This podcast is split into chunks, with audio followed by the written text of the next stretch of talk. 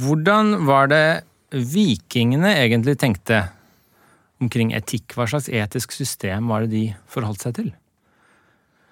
Velkommen til Einar Duenger Bøhns filosofipod.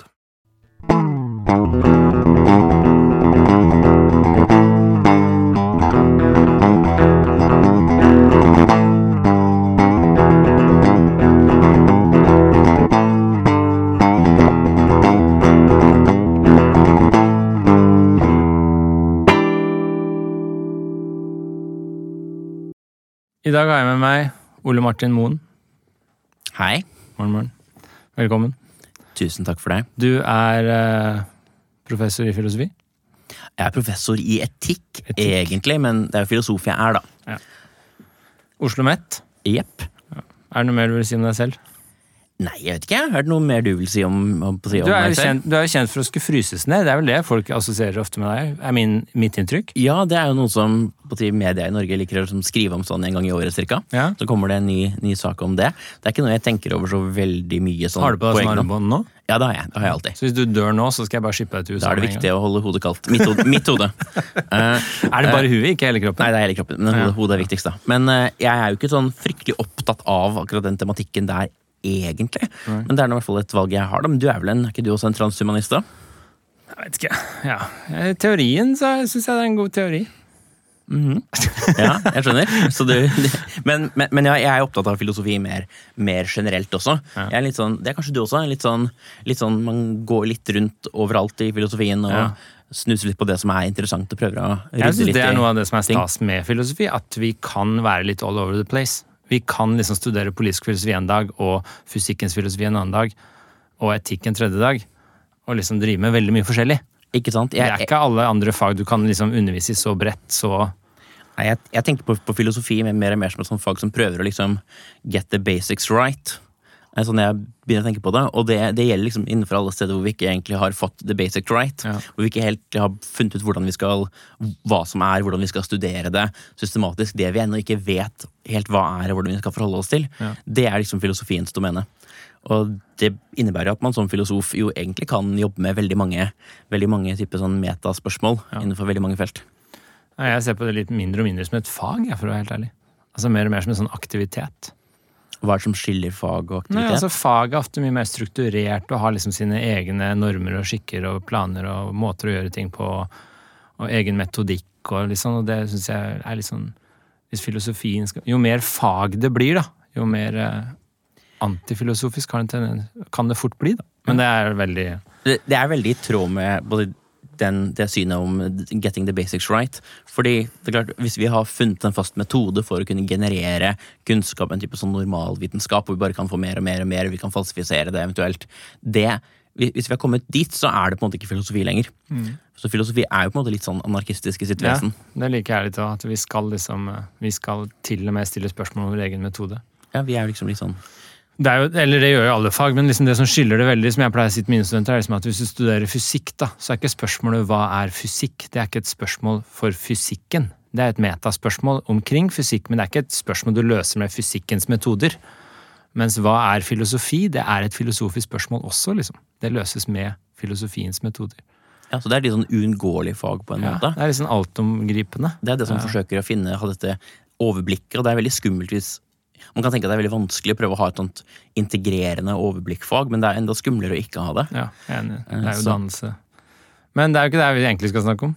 Nei, Vi skal gjøre noe veldig rart i dag. Eh, Litt sånn, for meg er det litt uvant, i hvert fall. Det er litt gøy, da. Vi ble enige om det her over en middag i Kristiansand en gang, at vi skulle gjøre det her. Og eh, er, er det litt utenfor din komfortsone eller ikke? ehm, altså, På en måte er det det, men- det, er, det er nok litt utenfor mitt sånn kompetanseområde, Ja. men det betyr ikke at det er utenfor min komfortsone. Nei, på en det er måte, sant, Men det er sant. jeg, jeg er veldig happy med å, stud, med å diskutere altså Håvamål, som Ja. vi skal studere. Jeg, jeg, har jo, jeg er jo egentlig jeg er sånn idehistoriker in disguise, Mm. og jeg har jo studert en del norsk idéhistorie. Så jeg har, har jo, husker jeg leste Håvamål og slik den gang. Men veldig fint å gå tilbake til det nå med litt sånn filosofbriller. Ja. Så ideen i dag er at vi skal lese dette klassiske norrøne diktet Håvamål. Eh, og så skal vi se på det litt med liksom filosofens blikk. Vi skal ikke se på sånn historisk, men mer sånn hva slags etikk er det som ligger til grunn for dette her? For Håvamål er jo da et dikt, det er en slags tale som Odin gir med masse visdomsord og moral og praksis som han liksom formaner oss om å følge. Eh, Og det vi skal gjøre, er å se litt på hva slags etikk er det egentlig det her er. Og dette er jo da den høyeste tale, Ja. eller ho, ho- hovedtalen, på en måte. Det er eh, Håvamål. Så det- det er jo veldig, det er et veldig spennende, godt forslag å diskutere den teksten her. Det er en, litt sånn, det er en veldig, veldig kul tekst. Jeg syns det er Og- veldig kult.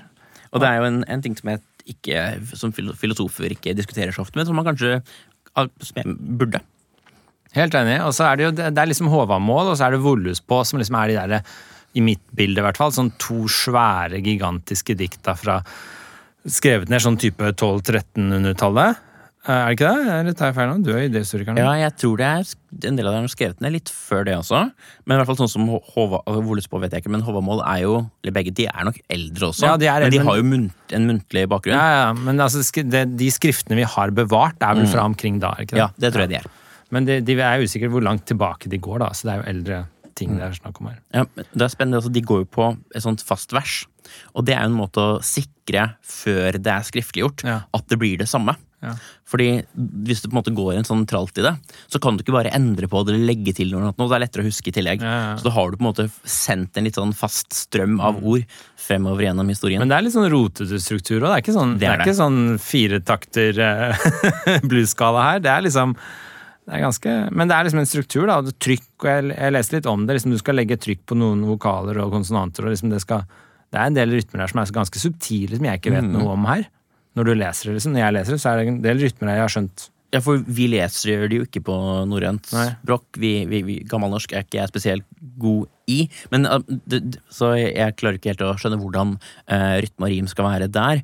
Men det, er jo like, det, det morsomme med, med gammelnorsk er jo at man, man Eh, jeg har jo, Vi har jo begge gammelnorskutgaven her også.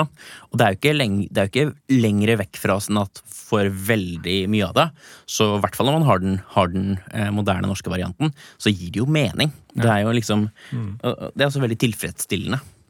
At det liksom eh, Ja. Ja, altså det de sier og er veldig sånn herre Ja, det her er urimelig. ja. det er ikke dumt, liksom. Nei. Eh, Så det er veldig kult. Men det er skal vi se substans på. i det også. Ja, ja, absolutt. Det skal vi se på. Og det som er litt sånn kult, er jo å se hvilke Jeg tenkte i hvert fall på det underveis når jeg leste det om igjen nå. altså er hvilke filosof Hvilken sånn etisk teori eller hvilken sånn livsfilosofi ligger nærmest det her, da? Eh, Av andre filosofer i filosofihistorien. Altså hvilke filosofer er det som liksom jeg tenker på når jeg leser det her? Ja. Det er ganske interessant. Det kan vi ta etterpå. Det kan vi ta etterpå. Men bare, hva er ditt generelt hva er ditt forhold til homo? Er det lang historie? Leste du det som ung? Er det kjærlighet, stor kjærlighet, eller nytt, eller spennende? Eller? Nei, det er, det er noe som jeg, jeg leste det vel da jeg var på videregående, og jeg leste det vel på idéhistorie. Men jeg har liksom ikke hatt noe veldig nært forhold til det. Men, eh, men det er klart, det er jo Jeg, jeg syns jo den førkristne norske altså, sivilisasjonen og tankerettingen der er jo, er jo fascinerende. Eh, og det er jo spennende å se. Vi har jo dette åsatrosamfunnet i Norge, Bifrost, eh, som finnes og som praktiserer dette.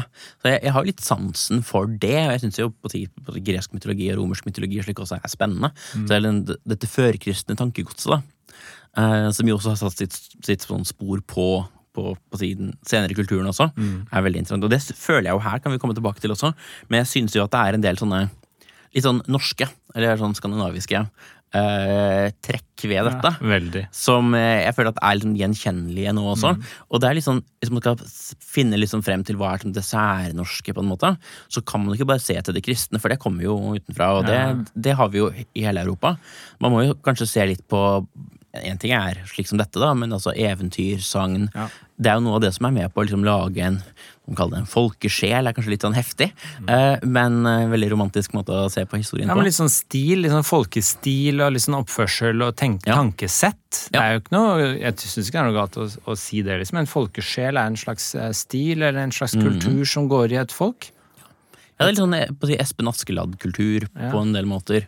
Som er litt sånn, ja, som jeg syns jeg også ser her. Mm, Jeg tror vi er veldig på nett her også. Jeg tror det kan bli veldig spennende. Jeg er litt sånn hobbyinteressert i vikingting generelt. Jeg er litt sånn som drar på disse mestene om sommeren og Mm. er litt sånn nerdet når det kommer til det. Jeg har liksom sånn vikingarmbånd og hører mye på vikingmusikk og Jeg har sånn vikingkjortel som jeg går i når det er kaldt og sånn.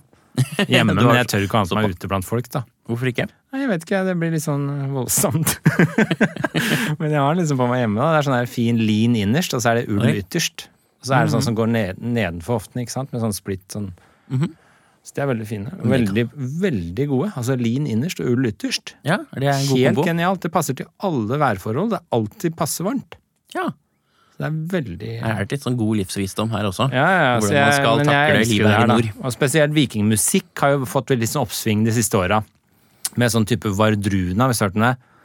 Nei, jeg vet ikke helt hva det er. Nei, Vardruna er liksom nei, Einar Selvik heter han. Jeg tror han er en norsk sånn eh, svartmetallfyr fra 90-tallet som begynte å lage folkemusikk og middelaldersk Mm.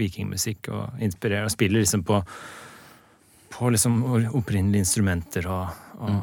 Så det er skikkelig kult. Det må dere høre på.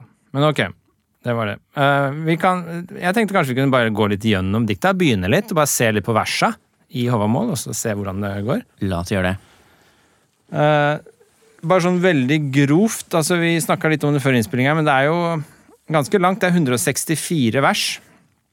Og så er det delt opp. Jeg sjekka litt sånn, gjorde litt sånn Google research. Det er jo delt opp i forskjellige deler her, så det er litt sånn usikkerhet om egentlig hele hører sammen, eller om det er satt sammen i ettertid. Ikke sant? Altså hva som er hva her. Kanskje er det en tre-fire forskjellige ting som er satt sammen til én. Fordi det er delt opp litt sånn at det- i vers 1-77 så er det visdomsorda. Det er der liksom, det er det vi skal konsentrere oss om. Det er der det mer kjente etikken kommer frem, egentlig. Og så er det i noen vers, i 78-110 så er det Odins reiser. Han forteller litt om sånne, noen reiser han har gjort. Og så 111-137 er det råd til loddfovne, som er en eller annen person vi ikke helt vet hvem er. Han gir en del råd, det kan vi også se på, for det er noen kule råd der. Og så 138-45 er det runemagi det er snakk om, lite grann. Og 146 til 163 ja, og 4 er trollsanger Odin kan. Der skryter han litt av liksom alt han kan. Ikke sant? Så vi fokuserer på rådene, egentlig. da. Ja, Visdomsorda vi skal fokusere mest på. ja, og de er jo råd, de også. De er, råd, de er jo. normative. Ja, de er normative. Og vi kan se på disse rådene litt også etter hvert. Det er noen kule der, men det er liksom substansen vi trenger egentlig for liksom å- filosofiske substansen som er interessant her, da, den er nok i 1 til 77 i begynnelsen. Så vi kan se på det. Og så er det jo kanskje verdt å nevne at det er mange forskjellige oversettelser. Det fins norrøne, selvfølgelig, men det fins også på nynorsk et par stykker. Det fins to, tror jeg, på bokmål, hvis jeg ikke har skjønt feil. Eh, og så fins det selvfølgelig på svensk og dansk, det fins på engelsk, det er masse oversettelser her. Og disse finnes jo da på Nasjonalbibliotekets nettside, nb.no også. Som Ja, man kan... så jeg har eh, flere versjoner her. En nye, det er en ny en på Samlaget som kom nå for ikke så mange år siden på nynorsk, som er veldig fin. Men den er ganske litt tyngre, da, for meg i hvert fall, som ikke, som ikke akkurat strålte i nynorsk på videregående. Så er den litt tyngre. Men eh, det er også en bokmål en som er vel, helt grei. Men det er nok noen feil her som vi kan se på litt senere. Men den Vikingenes visdomsord, altså, som den heter, Ja. den er den, Ja, den var veldig lett å lese. Ja, den Så er jeg veldig tenker jo fin. Den er på bokmål. og Den er på veldig- bokmål. Det er han Holm Olsen, eller hva han heter, som har oversatt. Det kan hende. Ja, det er en gammel oversettelse, og den, eh, men den er ikke helt komplett, da. Den, norske, den vi- Vikingenes visdomsord, det er sånn liten bok du kan få kjøpt, den er ikke helt komplett, så den mangler en del dikt, da. En del vers. Men ok, vi kan bare begynne å se litt, og så se hvor vi kommer sånn rent eh, med litt mer filosofisk. Vil, eh, skal jeg begynne med første vers? Ja, Skal vi lese annethvert vers? Ja, eller, ja, det kan vi kanskje satse på, det blir gøy. Ja, det kan vi Vi har ikke noen veldig god plan her, men vi får se åssen det går. Eh, og det, jeg synes det, er veld, det som slår meg når jeg leser det, er jo at det er veldig jordnært. Det er veldig jordnært. Det er veldig jordnært, og det er veldig praktisk, og det er veldig sånn Dette er liksom Dette burde jo, stå, altså dette burde jo egentlig stå på sånn selvhjelpshylle, egentlig. Ja, det er jo det de på en måte gjør. Det er jo, dette er jo selvhjelpshylle, bare i vikingutgaven. Ja. Men det er subtilt, så er det litt sånn indirekte ganske sånn det er ganske, Jeg syns det er ganske klart hva slags etisk system de antageligvis er mest fan av. Det kan vi ta etterpå. Jeg er ikke sikkert du er enig i det, men Det kan vi ta. Og- Og det gir jo litt mening. altså De, de første to versene i hvert fall henger jo litt sammen også. Ja, ja, det er masse sånn som går igjen og henger der. Så her er første verset, da. Åpner du døra til ukjent hus, skal du være varsom, skal du være vaktsom. For uvisst er å vite om uvenner alt sitter benket der inne. Og her er det mye spennende. Hva tenker du? Nei, altså, jeg, det, jeg syns denne setter tonen veldig godt for hvordan, hvordan ting er. Fordi eh, her er vi Jeg får følelsen av at vi er i en verden som er Det, det er sånne små isolerte hus, eh, eller, og det er langt mellom. Eh, og det er ikke så veldig åp åpent og skravlete og eh, masse folk som går rundt. Eh, Det er litt sånn ja, isolerte enheter som man kommer til. Og så hvordan skal man klare å håndtere dette her? Mhm. Hvordan skal vi, hvordan skal, vi vet ikke helt, vi skal sitte og sånn skule rundt på hverandre, liksom. Mhm. Hvem, ja, hvor er det jeg har kommet nå? Så jeg føler at den, den setter liksom den veldig godt sånn konteksten. Ja, jeg ser for meg at du har gått over en, et fjell, liksom. Du kommer ned i en dal, så ser du et hus, og så ryker du litt av pipa, og så kommer du liksom inn, og så banker du på for å spørre om å få litt mat og dusje, og så, og så er det liksom sånn Åpner du døra til ukjent hus, da Nå må du være litt varsom, og du må være litt vaktsom, for det er uvisst om det sitter uven, uvenner benket der inne, ikke sant? Ikke sant? Så du må gå inn med varsomhet, da. Ja. Det er jo veldig sånn derre Du skal ikke bare buse inn, og du skal ikke liksom være overilt, og det er liksom veldig som du sier. Nå er liksom stemningen satt her.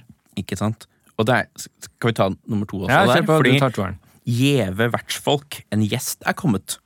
Hvor skal han sette seg? På vedlag ved døra venter han nødig, om han har viktig ærend. Så her, har vi jo, her, her bytter vi jo perspektiv.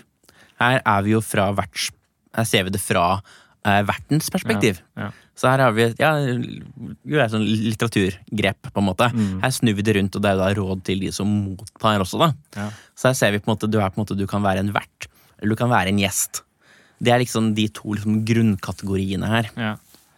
Og så er begge det- disse setter jo på en måte bare litt sånn Ja, ja, ja, så Konteksten du- den gir ikke så mye råd, Nei. direkte, eh, litt råd, men den, den, den, den sier litt om hva slags ting er det som skjer i denne Ja, det som verden. er inntrykket med en gang, er liksom sånn du skal være varsom når du kommer der, og være litt sånn observant. Ikke buse inn. Og så, hvis du er gjest, og så verten skal være litt sånn Pass på å liksom, få han inn og satt han på plass og sånn. Ikke la han stå ved døra, for det kan være viktig, ikke sant? Og du skal være høflig og gjestmild, og liksom, du skal ta det inn, og du skal, du skal ikke liksom Du skal ikke lukke døra for dem, liksom. Så Nei. den, den stemningen er satt nå. Ikke sant? Og der kommer vi jo til, over de neste også, som er litt mer om hva man skal gjøre. Ja, så her er, eh, Vi har jo litt forskjellige utgaver. her. Jeg følger den der på Nasjonalbiblioteket akkurat nå, men her står det jo tredje vers her. Jeg sier Eld trenger han som inn er kommet og er kald om kne. Mat og klær kan mannen trenge som kommer fra ferd over fjell. Nettopp. Det er den samme som jeg har. Og der er det liksom Nå er det liksom sånn Hva trenger gjesten?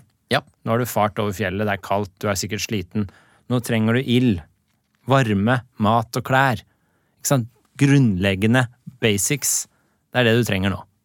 Få Det det, trenger på man. plass først, Ikke liksom. sant? Og, og det sier også litt om at ja, det er kaldt. Ja, det er kaldt og hardt. Du trenger el og klær, det er liksom det, det, er, det er det grunnleggende. og Du er, du er kanskje og kald. mat. Ikke sant? Og du- Altså, og du tenk trenger deg mat. når du reiste over fjella, du, du pakka jo ikke med deg nok mat til å overleve helt til du var hjemme igjen. Du måtte jo liksom satse på at du fikk mat underveis hvis du skulle fare langt. Ja. Så det er derfor det er veldig viktig at man er gjestmild og gir folk mat og klær, og sånn, fordi det tjener alle det at du kan få det. Du kan stole på at du får det da, når du Ja. kommer inn til en bygd. Ja, men det, det er jo kjøp og salg også.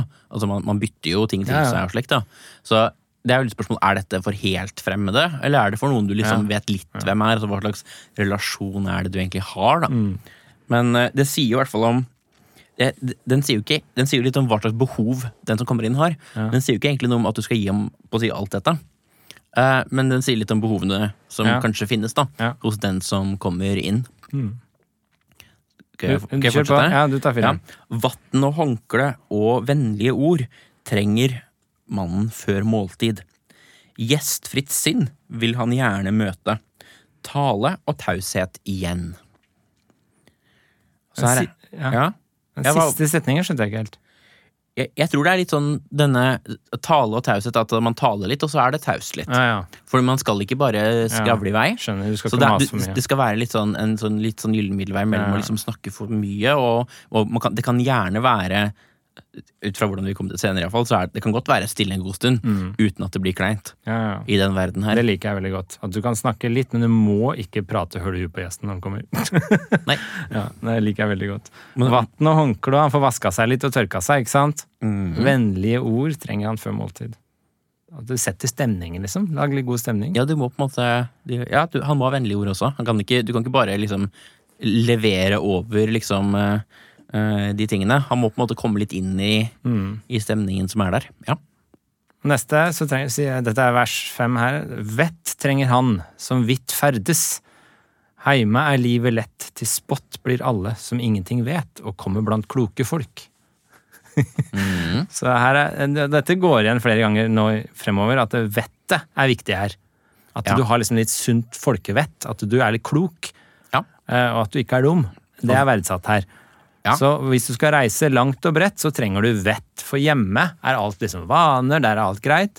Eh, Men eh, Der er livet lett, liksom. Men når du kommer ut blant folk, så må du ha litt vett, for til spott blir alle som ingenting vet, og kommer blant kloke folk. Da blir det gjort narr av. Ikke sant? Du må tenke når du skal et nytt sted. Ja, og dette setter også en litt sånn ny standard, fordi nå begynner liksom det som jeg ser på som det sentrale etiske begrepene i vikingtenkningen her, da, eller i denne tenkningen i det diktet her, det er jo egentlig ære og skam.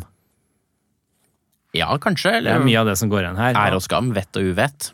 Ja, vet du, vet du, men altså, du, hvorfor trenger du vett her, liksom? Jo, fordi du blir til spott hvis du ingenting vet og kommer blant kloke folk. Mhm. Ja. Du vil Jo. ikke drite deg ut. Nei, det vil Det du er absolutt veldig ikke. viktig her, Det er veldig viktig. og det kommer igjen flere ganger, da. Så vett trenger du for Ja. å ikke drite deg ut. Ja, altså du, ja, du Det er ikke for at Det er du enig. liksom skal ikke få mat, det er for at du ikke skal drite deg ut overfor Ja, andre. Ja, det, det kan jo hende at det er på grunn av på å si, andre ting du vil ha videre, da, at du trenger Ja. dette vettet for at Ja, ja. andre skal på en måte, gi deg det du trenger. Men, men jeg, jeg, det, på å si hva, hva som på en måte, er ultimat og sånn, det, det kan vi jo komme til, men jeg synes at dette med vett Vett er et veldig fint ord. Ja, Det er et godt norsk ord. Samme rot som hvite. ja. Eh, og og du, du skal på en måte være v- vettig, eller vettug, da. Vet du, ja. Ja, Som jo også er et, er et uttrykk. Og det, eh, det er jo ikke helt det samme som klok. Eh, Det er, det er en liksom praktisk bit ved det, sånn som jeg forstår vett. Mm. Ja. Hvis noen har vett, så er det ikke bare at de har mye kunnskap eller er veldig smarte. Nei. De klarer å anvende det på en god måte. Det er sant, litt ja. sånn fronesis-aktig, Ja, ja, det er sant. ja, eh, fra gresk, da. Ja. Jeg vokste jo opp på landet, ikke sant. Nes på Romerike, en time utafor Oslo her, på bygda. Mhm. Og da sa man jo sånt. Han er vettu. Ja, Ikke ja. sant? Han er en vettu fyr. ja, jeg vokste opp også på landsbygda en time fra Oslo. Dog andre veien. Så ja, jeg er også eh, vettug. Ja. Og da var det ikke det at du var så jævla smart, det var Nei. mer det at du liksom du gjorde, du var, du gjorde de riktige tinga. Ja, folk kan ha matvett, Ja, ja, ja. og de kan ha forskjellige Ja, ja, ja. typer vett, på en måte. Eh, Det er Litt sånn, k- sånn praktisk klokskap, kanskje. Ikke sant? Og det er jo eh, ja, på å si arete, eller, altså det, eller en fronesis som fra, fra den greske filosofiverdenen. Mm. da. Det er sånn jeg forstår dette vett. Og det trenger du når du Praktisk skal reise fornuft. rundt. Det trenger du når du skal reise rundt. Mm, fordi Ok. du, ja, du blir, eh, ja, du blir gjort til spott, ja. Ja. Ikke sant? Vil du lese sekseren? Det kan jeg gjøre. Eh, av evnene sine bør en aldri skryte. Far heller varsomt med vettet. Når en klok og fåmælt kommer til gards, går det ham sjelden galt. Elsker det verset. Den er veldig fin. Hva er det du elsker ved det? Nei, det er litt, altså det viderebygger jo litt på femmeren, da. Men det er liksom sånn du skal ikke, ikke sant? For det første, femmeren så sier det sånn Vær vettu når du reiser rundt. Ikke gjør dumme ting, liksom. Da blir du driter du deg ut. Og så kommer sekseren, så sier de ikke gå rundt og skryt av evnene dine. Eh, eh, men gå varsomt rundt med vettet ditt. Vær litt Ja. vettu, liksom. Ikke skryt på deg ting, og ikke skryt av hvor flink du er og sånn. For det, det går ikke bra i lengden, ikke sant? Ja, og det er en viktig korrektiv, fordi vett er så viktig. Ja. Men da, kan, da vil kanskje mange tenke at ja, men da skal jeg vise frem vettet mitt. Men Ja. nei, det skal du ikke. Ikke noe sånn Rasmus Montanus her nå. Du må liksom bare Nei. komme klok og sindig.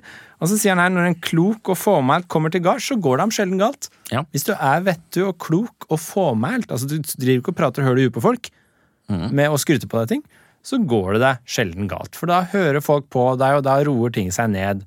Men hvis du farer inn på garden og river opp døra og prater høl i huet på folk og skryter på deg og sånn, så da går det ikke bra, vet du. Nei, det er ikke det. Men det, det, som er, det som er litt kult med den her, sånn, er jo at den sier at når en er klok og, og når en er klok og fåmælt eh, kom- eh, Det som er problemet ofte, vil jeg- man, i mange tilfeller, er jo folk som tror at de er klokere enn de er. Ja.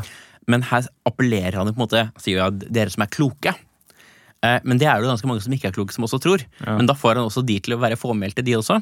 Så, han på en Det måte- sier de etterpå, ja. Så, så han kom- kommuniserer på en måte litt inn i at ja, hvis du er klok og fåmælt, så går det deg bra. Ja. Og da tenker veldig mange at ja, jeg er jo klok, men da får jeg være fåmælt, da. Så da klarer han på en måte å, å, å, å kanskje Og senere så sier han jo at hvis du er dum, så må du bare holde kjeft.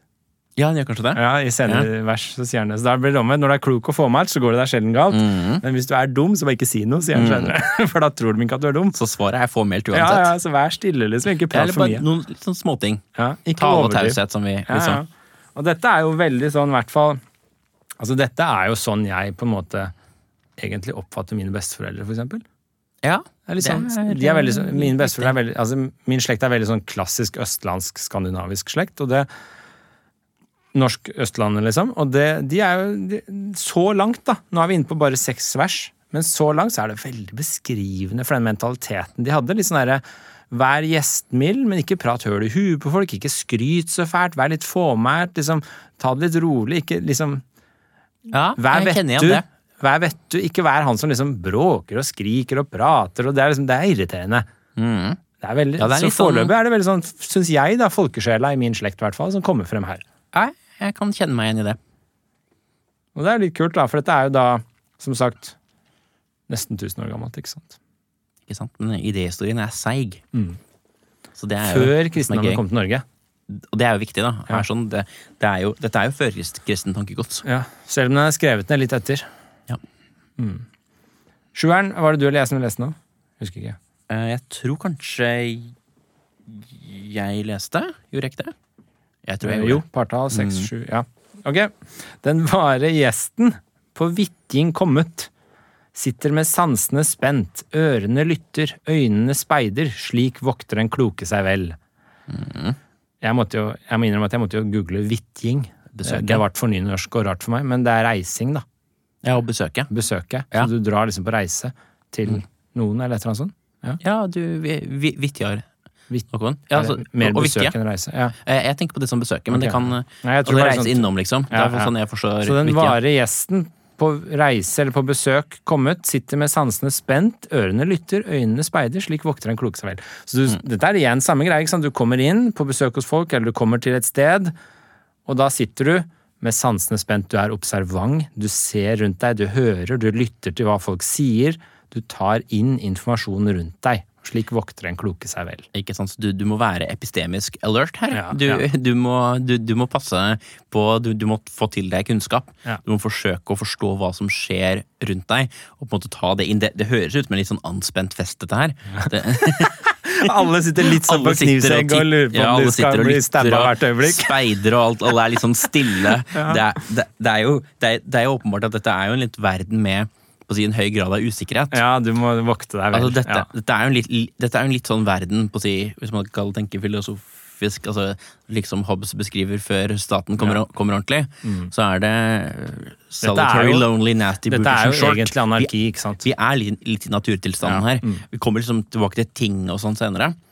eh, og avgjørelsen som tas der. Men dette er jo et sånt Det er jo et samfunn uten en sentralstat. Ja. Eh, og uten et politi. Altså det, er, det er en verden som man kan- Forståelig nok, da. Det, er ganske, det, det kan fort skje ganske fæle ting. Ja, og Det er derfor du ser senere også at det liksom er så viktig med hvordan du oppfører deg, og det er så viktig å pleie vennskap, det er så viktig å liksom opprettholde bånd mellom mennesker. ikke sant? Dette kommer vi tilbake til flere ganger. altså Det er kjempeviktig, fordi det er jo ingen andre til å passe på oss, egentlig.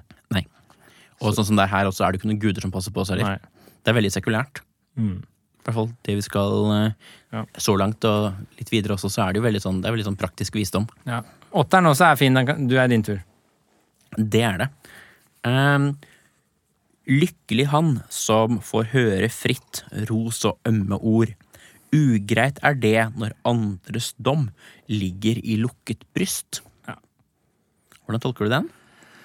Nei, den er liksom altså, det, det er, du, du føler det Du blir lykkeligere når du liksom får høre eh, ros og ømme ord fra andre fritt, men det er liksom ganske kjipt når liksom man sitter i taushet og føler noe som man ikke sier. Så, Ja. så dette her er litt sånn på én måte føler jeg det er litt sånn motstridende mot denne stillheten og varsomheten og vokte seg og være liksom skule litt rundt. det er det. Men på den annen side så står det her Du skal bare hvis det, det, vir- Sånn jeg tolker det, så virker det som hvis det er litt ros og ømme ord som er på sin plass, få Mm. Ja. det ut. Ja. Si det. Også fordi det er ugreit å sitte der når andre dømmer deg uten å si noe. Ikke sant? Så det, Da er, blir usikkerheten veldig stor. så det kan være at Hvis du har en slags negativ bedømmelse, så skal du kanskje holde den for deg selv. Ja. Men hvis du på en måte kan si noe fint, da, Ja. så gjør det. Ja. Det er en fin måte å tolke den på. Og så, så, det, og, så det er ugreit når det liksom Og det er jo så klokt, liksom. Det er sånn gammelklokt, liksom. Sånn derre Ja, det er ugreit når andres dom ligger i lukket bryst. Det er liksom Ja, det er veldig Det er liksom, ja, det er sant, det. Det er Ja. ugreit. Vi får Ja. ordne opp i det her. liksom, Bare si det. ja. Det er- det er veldig vakkert. Det er så, ja, det er så jævlig klokt. Vet du. Det er det som er litt forvirrende her. Eh, nieren. Det her er det jo litt om lykke. Disse da, Åtte og ni handler jo begge om liksom lykkelig han. ikke sant? Og det er litt sånn som er i dikta. Du ser noen vers, to-tre vers etter hverandre, så går samme åpningsstruktur igjen, så er det litt ny visdom i slutningssetningene. Og her er nummer to på dette her, da. Lykkelig han som har hos seg sjøl ros og vett her i verden. Onde råd kan jo ofte komme ut av andres bryst. Og her er det liksom, t- tenker jeg liksom sånn, lykkelig er han som liksom hos seg sjøl har ros og vett her i verden, altså når det kommer fra deg selv. Dette er jo veldig sånn filosofisk gjenganger også, at det skal liksom autentisk å komme fra deg selv, og du skal være i harmoni med deg selv, og du skal liksom til og med, ja, ikke sant? Altså, du, du er ikke ordentlig ø, fri og lykkelig før du liksom er selvstyrt, at du er liksom autonom. Eh, og her er det liksom lykkelig er han som har hos seg sjøl ros og vett her i verden, at du selv klarer å være liksom vettu og rose deg selv når det er på sin plass, til og med. Ja. Eh, mens fordi hvis du bare går rundt og hører på andre, så er ikke det helt topp. Da kan det komme onde råd, ikke sant. Mm. De kan ha sine Du egne hensikter. skal ikke høre for mye på andre. Du må ha vettet og rosen i deg selv også. Mhm. Og det er veldig Det er litt mer subtilt. Ja, jeg er enig. Jeg, jeg, jeg slo opp nå eh, i denne gammelnorske utgaven også, så hva er det som er ordet for lykkelig? Og det er selv. Altså S-æ-l-l. Sæl, ja. Ja, Ja. Og det, er et, det, det ligger litt langt bak i hodet mitt et sted, men det, jeg har jo det å være sæl. Ja, ja. Ja. Det er kanskje ikke helt akkurat det vi tenker på med sånn happiness-forskning. Nei, Nei, det er jeg, ikke jeg er litt det. usikker på hvor Sæl, den ja. ligger. Ja, så har jeg hørt Ja, ordet jeg mange har ganger. hørt det, men sæl. jeg- Ja, det er, han er en sæl fyr. Ja, Mhm. det burde vi ha sjekka før vi satte oss ned. ja, lykkelig han. Hva er, jeg kan sjekke hva den nynorske oversettelsen er. Altså, det er jo Nieren Ja, her er sæl. Ja, ikke sant? Nynorsk. Sæl er den som sjøl munn eige, livsens hugnad og heider. Å ja, det er litt annerledes, faktisk. Altså, ros og vett står det i bokmål. Ja. Hugnad og heider står det i nynorsk. Er ikke heider heder? Altså det ære og vil jeg heder? tenke. Men skal vi se. For ofte hev menn ille råder, aust orbarmen hjå andre. Så livsens hugnad og heider, ja. Så det er liksom Ja, hugnad, det- heder og ære, liksom. Ja, den, ja eller det, det, riksmålsordboka, som er veldig fin å ha. Den er veldig, veldig fin. Den sier at den har samme opprinnelse som ordet salig. Å ja. Eh, og det, det gir litt mening. Og det er litt mer mot lykkelig. Eller glad. Eh, så det virker som det, er, det k- kanskje ligger eh, Du føler deg bra, i hvert fall. Ja, jeg, jeg tror ikke lykkelig er helt, er helt galt, altså. Men ros og vett er det oversatt med her, mens, eh, mens eh, den andre var jo På nynorsk er det jo faktisk eh, hugnad og heder. Heider. Ja, ikke sant? Eh, Ja, det er men noe litt annet. heder og ære, liksom. Altså, det skal du ha på deg sjøl. Men det er jo litt samme ideen. Men det er liksom Men nyanser i- selvrosing høres litt sånn rart ut. Ja, du skal ikke rose deg selv, Nei. for det kommer jo frem her. Du skal ikke skryte av evnene Nei. dine og sånn, men du skal, jeg tror det er mer at du skal i ditt eget bryst vite liksom at dette er riktig, eller at du gjør det bra her, Ja, og det kommer av deg at du gjør det, fordi du skjønner at dette er riktig. du Det skal ha- komme fra deg, men du skal ikke drive og skryte av det. Nei, nei, men eh, du skal på en måte ha litt sånn self-knowledge, på en måte. Ja. Du skal vite om men, Kjenn men jeg deg selv, syns jo- liksom. Men jeg, jeg syns jo likevel da at altså, heder og ære og slik er jo litt riktigere enn ros, fordi ros, selv om det ikke Ja. er åpenlyst, så er det litt sånn 'å, så flink du er'. Jeg er altså, enig. Mm. det er ikke, Eller så, så go- godt du gjør det. Jeg Ja, vet det er jeg enig ikke om, og det er ikke det å rose seg selv, det er mer å ha en litt sånn, litt sånn nøktern vurdering Så av hvis vi seg altså selv. leser litt, likevel an, en ja, så hvis vi potensielt leser litt annerledes, så positiv. står det 'Lykkelig han som har hos seg sjøl heder og ære her i verden'. Onde Mm. råd kan ofte komme ut av andres bryst. Jeg syns det gir vel så mye mening. Ja. Så du skal ikke drive og rose og deg selv, men du skal liksom kjenne deg selv og ha heder og ære der hvor du vet at det hører hjemme, uten at du går rundt og skryter av det. Ja, du skal ikke være så avhengig da, av andres bedømmelser Nei. av deg og av det rundt deg. Du skal på en måte ja, gjøre deg opp din litt sånn egen mening om dette. Og hvis du får si Og så handler det jo om Ja. lykke òg. Altså, hvis du bare går rundt og hører på andre, så blir du jo ikke veldig lykkelig. Nei. Gjør du det? Nei, kan jeg tror ikke det. tenke meg det. Jeg tror ikke det. Men, øh, men det er jo nettopp den ja, lykkelig, salig, som jo nesten var dette ordet, da. Ja. Sæl. Ja, ja, fint. Skal jeg ta neste? ja, vi må bare eh, Vi Ja. kommer jo ikke gjennom Nei, alt det. vi- Vi må hoppe litt Ja, men det, etter hvert. er, Men ja, det, kjør er, på. det er gøy, dette her. Bedre bør og bære har ingen enn mye mannevett. I fremmed gard er det bedre enn gull. Vett er vesalmannens trøst. Og en vesalmann er en ellers ussel eller fattig Ja. mann, da. Stusslig mann, ja. Så dette er jo en veldig sånn kjent 'betre bør du bære ikke i bakken enn mannehvit mykje'. Ja. Det er jo en sånn der kjent øh, på å si, ordhell, nesten. Og Mm. det er jo den vi er på her, sånn. Men dette er jo litt det samme som tidligere. altså Du skal ha vett når du går. I fremmed gard er det bedre enn gull. Mm. Men jeg liker også at det, er- det er en at, at det er en bør å bære. Altså det er noe du bærer Ja, på, ja, ja. og du kan ikke ha en bedre bør å bære på. Eh, og jeg, det, det er sånn spennende Det er, jo- det er tydelig at det å, det å bære på ting som er tungt, det er liksom en sånn ting vi kjenner til her. Det gjør vi i denne verden. Ja. Vi bærer på ting langt. Eh, og det er noe av det beste du kan bære på, det er altså mannevettet. Mannhvit er det, står det i den altså Det er det gamle ordet. Og der har du jo å vite igjen, som altså er roten til det ordet. Så det er eh, ja, å vite. Altså Vett er liksom den stusslige mannens trøst. Altså Hvis du har lite og er litt stusslig, Ja, og har du vettet, så er det trøsten, liksom. ikke sant? Og det er også veldig fint. Ja, ja, Så uansett hvor ille det er, så liksom er du litt vettu, så er det en trøst. Ja, det kan liksom ikke bli helt tatt fra Nei. deg heller, liksom. Det er en eh, Ja. Det er liksom, ja. Nei, det er liksom Hvis du er Ja. Det, er, det siste er veldig fint. At eh, stusslig, så vær vettu, i hvert fall. Ikke sant? 11. Bedre bør og bære har ingen. Her gjentar liksom åpningen seg, ikke sant? som du gjør flere ganger her. Eh, Bedre bør og bære har ingen enn mye mannevett. Samme som forrige. Verre niste på veien har ingen enn den som har drukket for mye. Så ikke gå rundt og være full, liksom. Ikke sant? Og, da, og, og det virker sånn nister nesten, og så er det du har liksom i deg, men kroppen har ikke tatt til seg alt, eh, alt mye av det ennå. Så du går og bærer på dette her, som kroppen din går og spiser på. Ja, Um, og ja, nei, det er eh, Ja, her er vi jo inne på drikking. Skal vi ta neste også? ja, Der. kjenn på.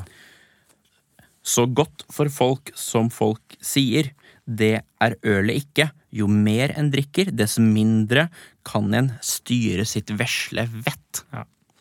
Ja. Og dette går igjen flere ganger. Altså, det er flere vers som handler om det å ikke drikke for mye. Mm. Så du skal ikke drive og drikke deg full, fordi da blir du en idiot. ja. Og Rett og da, slett. da forsvinner vettet.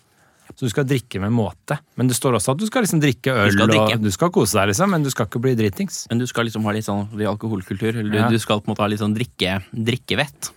Og her føler jeg liksom litt den der norske folkesjela har svikta litt. Her har den svikta litt. Helgefylla, liksom. Vi har ikke helt takla det rådet fra Odin enda. Men det kan jo si litt Det, det kan hende det problemet var da også, at det er grunnen til at den har kommet seg inn Ja, her. jeg Og at tror vi det. bruker såpass Ja. mye tid på det. Det er at det var behov for det rådet. De ralla rundt dritings, tror jeg, en god del Det på tror den jeg. tida også. Ja. Det vil jeg tro. Eh, ja, så vi kan bare eh, kjøre litt kjapt på noen her, for så Ja. rekker vi ikke alt her. Glem. Eh, ja, altså 13 oppover, den er ikke så veldig viktig. Jeg tror ikke den står i den boka du har engang. Glemsershegren svever, har du den? Nei, den står ikke Nei, for den, er liksom, den sier ikke så mye. Ja, så her er neste som er litt mer sånn eh, visdomsord. Da. Den- Den begynner sånn. Dette er 15 hos meg. Fåmælt og tenksom bør fyrstens sønn være, og våpen djerv. Glad og vennlig skal hver mann leve helt til dødens dag. Så igjen, ikke sant? Fåmælt og tenksom. Du skal være liksom beskjeden og tenke deg om. Du skal tenke først og snakke etterpå, ikke sant? Ikke omvendt. Eh, og det bør fyrstens sønn være, og våpendjerv. Han skal være m- våpendyktig og modig og flink, liksom. Eh, glad og vennlig skal du leve, skal hver mann leve, helt til dødens dag. ja. Så du skal være liksom beskjeden og omtenksom, og tenke deg om før du snakker, og så skal du være eh, vå- flink med våpen, og glad og vennlig. ja, Sånn skal du leve. ikke sant? Eh, og jeg lurer på dette med altså fyrstens sønn. Ja. Eh, eh, som det jo står i den andre oversettelsen, altså kongsbåren mann. Ja. Um, men grunn, er det slik at fordi du har makt og, og velstand, så må du være ekstra varsom med at ingen skal komme og ta deg? Ja, det virker sånn. Altså, det- her er en Ja. nynorskversjon som jeg har lest, da, som er eh, kanskje den nyeste nynorsken som jeg syns er kanskje den vakreste. Da. Her er det, Dette er jo vers 15. Her står det 'Klok og tagal skal kongsson være'. En kongsson, ja. Er det 15? ja. Ja. 'Klok og tagal skal kongsson være'. Kongssønnen, altså. Mhm. Eh, Frøkleg gange han fram. Gladvær og fjåg, hvar gutt skal svive til sin døyande dag. Så her er det jo ikke våpendjerv engang. Nei. Her er det noe helt annet. Skal k- frøkleg gange han fram? Hva betyr det? Um, frøkelegg? Nei, det vet jeg ikke. Ikke jeg heller. Men så det er jo litt sånn variasjon i oversettelsen her, da. Det er jo interessant. Ja. Eh, men du, det er kongssønn, så det er nok som du sier, da, at de som liksom har mye makt, Mhm. de som sitter på rikdom og makt, De skal være De skal tenke før de snakker. Mm. De skal være vennlige og glade. Ja. Men så står det også 'skal hver mann leve helt til dødens dag'. Så at eh, Mm. alle skal det, ikke bare kongssønn. Ikke sant? Men kongssønn Vi skal skal, i være hvert fall glade. være Glade og vennlige, som er eh, glad i den eh, norrøne. Mm. Glad. Så der er vi, jo, er vi jo rett på det nors- norske ordet i dag. mm, Og eh, eh, reifer, det er altså vennlig. ja. Men den, den kjenner jeg ikke så godt til. Men glad er jo, også- det er jo, det er jo fint at den, Ja. den har vi beholdt. Skal ikke gå rundt og surmule, liksom. Nei. Skal jeg ta neste? Ja. Udjerv mann tror han alltid skal leve, om han vokter seg vel for kamp. Men alderen gir ham ingen fred, om han blir spart for spyd. ja. Så den, den syns jeg jo den, den er interessant altså, i forhold til sånn at man skal fryse seg ned og sånn. ja. så er det sånn skal man leve evig. Og klart, hvis, hvis man tror at man skal det, så da er man jo veldig naiv antagelig, for man skal jo antageligvis ikke det. Men det ligger jo likevel her sånn at alderdommen og sånn er jo veldig fæl. Altså, men altså, alderen gir ham ingen fred. Nei. Det er bare at dette er en så Du skal ikke tro at dette bare klarer du å håndtere, Ja. men det er jo definitivt et onde. Altså, det er jo en av ting som de- den, den slår deg ned, liksom. Mm. Men det betyr ikke at det er bra at den gjør det, eller at vi ikke Altså, Jeg er Altså, enig. Jeg tolka det mer sånn at det- liksom den, den ukloke han, du skal, Jeg tolka hele verset mer sånn Du skal ikke gå rundt og vokte deg hele livet for å sikre deg sånn at du blir gammel. Du skal heller bare leve litt heftig og bra med ære Ja. og stolthet, og så heller dø litt tidligere. Ikke sant? Du, du skal bruke det til å kanskje tørre å ta noen sjanser, da. Ja. Du skal skal, liksom- ikke bare sitte der og være Ja, det, det er en god måte Du skal å se leve, det på. da, ikke bare eksistere. Ja. Mm. Og det er jo litt sånn interessant i forhold til vår tid akkurat nå, da, hvor vi liksom Med stenger korona. ned hele samfunnet pga. Ja. helsevesenet og kun tenker helsesikkerhet og sunnhet og mangel på sykdom og legger fra oss alle andre verdier. Ja, og her ser man litt når politikere tar eh, bare rådene fra Folkehelseinstituttet bare som direkte det vi skal gjøre. Det er jo ikke gitt i det hele tatt, for Nei, det er det jo mange veier andre ikke. hensyn i verden enn Ja, bare ja. helsa. Så her er liksom, dette verset Dette er er veldig en- viktig i dag. Dette er viktig i dag. Vi kan ikke være i en sånn Mm. Skal helsemessig vi bare sitte unntakstilstand. friske og eksistere, eller skal vi leve litt usunt? Mm. Jeg vil jo heller leve et litt kortere liv som er bra, enn å leve et litt lengre liv som er kjedelig. Ja, det må, det må jo egentlig alle kunne gå med på. Jeg tror, ellers så måtte vi jo bare vært Ellers så må jo på å si eh, ekte folk ligge i s- sengen med hver sin gassmaske, liksom. Ja. Hvis man ikke skal smittes på noen måte. Ja. Så man må jo gjøre en trade-off der. Eller På som et Axel eller annet Rose, Axl Rose synger når han coverer Paul McCartney, 'Live and Let Die'. Mm. Liven, dette er ja. Eh, var det du eller jeg som leste nå? Jeg tror det var meg. Ok, 17. eh, her i hvert fall. Tosken måper og mumler dumt der han sitter som gjest i gilde. Straks han får den første slurken, er det ute med alt vett. Ja. Det er veldig sånn, Jeg ser det for meg. Det er Ja, en som altså. bare mumler litt i skjegget Ja, først. han Så bare- kommer det noen øl, og da bare går det ikke Han så sitter bra. og måper og Ja. mumler dumt. Han bare skjønner ingenting av hva som Nei. foregår. Så får han seg et par øl, og så bare Da er han slukka av tørsten. Den Da- første slurken, faktisk. Da er det Ja. ute med alt vett. Da blir han bare en idiot. Ja, Da skjønner alle andre det også. Ja, Det er veldig morsomt. Det er mange av de. Ja, den er, den er fin. Skal vi se. Neste. Vidt omkring skal en komme blant folk før en kan vite visst hva som skjules i sinnet hos den som vet å mestre sitt vett. Ja. Ja, da får jeg jo litt følelsen av at den, her kan det være andre som kanskje har kanskje litt sånn onde hensikter, men de kan likevel mestre sitt vett. Ja. Så du kan ha folk som absolutt ikke vil deg vel, kanskje, men som likevel, ja, definitivt har vett. Psykopater. Ja, for eksempel, eller de kan jo Jeg vet ikke hvordan de vil se på det. Eh, altså, Det finnes jo mange kloke drittsekker, liksom. definitivt. Og absolutt, men d- der, da, da er de faktisk fortsatt vettige. Ja, Eh, det er bare det, så det, det er det, det er ikke- Det ligger ikke noen automatisk sammenheng mellom å være klok og være Nei, god. nei. Det er jo et godt poeng, da. Eh, Det er at- skummelt. Og det å være smart, for eksempel. Det å være veldig intelligent har jo ingen korrelasjon med å være veldig snill. Ikke sant? Eh, det er kanskje en eller annen korrelasjon, men ikke en én-til-én-forhold, i hvert fall. Og dette er jo etisk interessant. Altså, hva er det, altså, da finnes det en ty tydeligvis en, en, type, en type rasjonalitet, da. Mm. Som ikke nødvendigvis er en etisk Ja, Eh, og rasjonalitet. jeg tenker på det med teknologi, som jeg driver mye med. da. Altså, Absolutt. du kan lage kunstig intelligente systemer som er veldig effektive og intelligente, men som ikke er veldig moralske. Ikke sant? Og det, det er jo akkurat den tingen den Altså, her kommer inn på. Og så er det slik at hvis noe er ultimat klokt, så er det også ultimat godt. Ja. eller er det ikke det? Nei, altså, ja. Jeg skiller ofte mellom instrumentell rasjonalitet, rasjonalitet eller klokskap. Altså det å være instrumentell. Skjønne hvilke midler som skal til for å oppnå et mål. Men det i seg selv sier jo ikke om det målet er godt. Nei. Så hvis du har liksom absolutt rasjonalitet eller absolutt klokhet, da må du også inkludere hvilke mål bør du gå for. Ikke sant. Så det er forskjell på liksom det instrumentelle og det absolutte her. Ikke sant. Men det, er- jeg ser også, i 18, jeg leser også litt sånn Du skal ha mye erfaring. Ikke sant? For å skjønne ting. Det er litt det det ligger i òg. Vidt omkring skal han komme blant folk før du kan vite visst hva som skjules i sinnet hos den som vet om SS i fett. Du, må, du skal vidt omkring fare. Du skal ha en god del erfaring, reise rundt og oppleve en god del ting, før du skjønner hva som skjules i sinnet hos den som mestrer sitt vett. Ja, fordi de kan være vanskelig å lese. Så du må ha De, erfaring.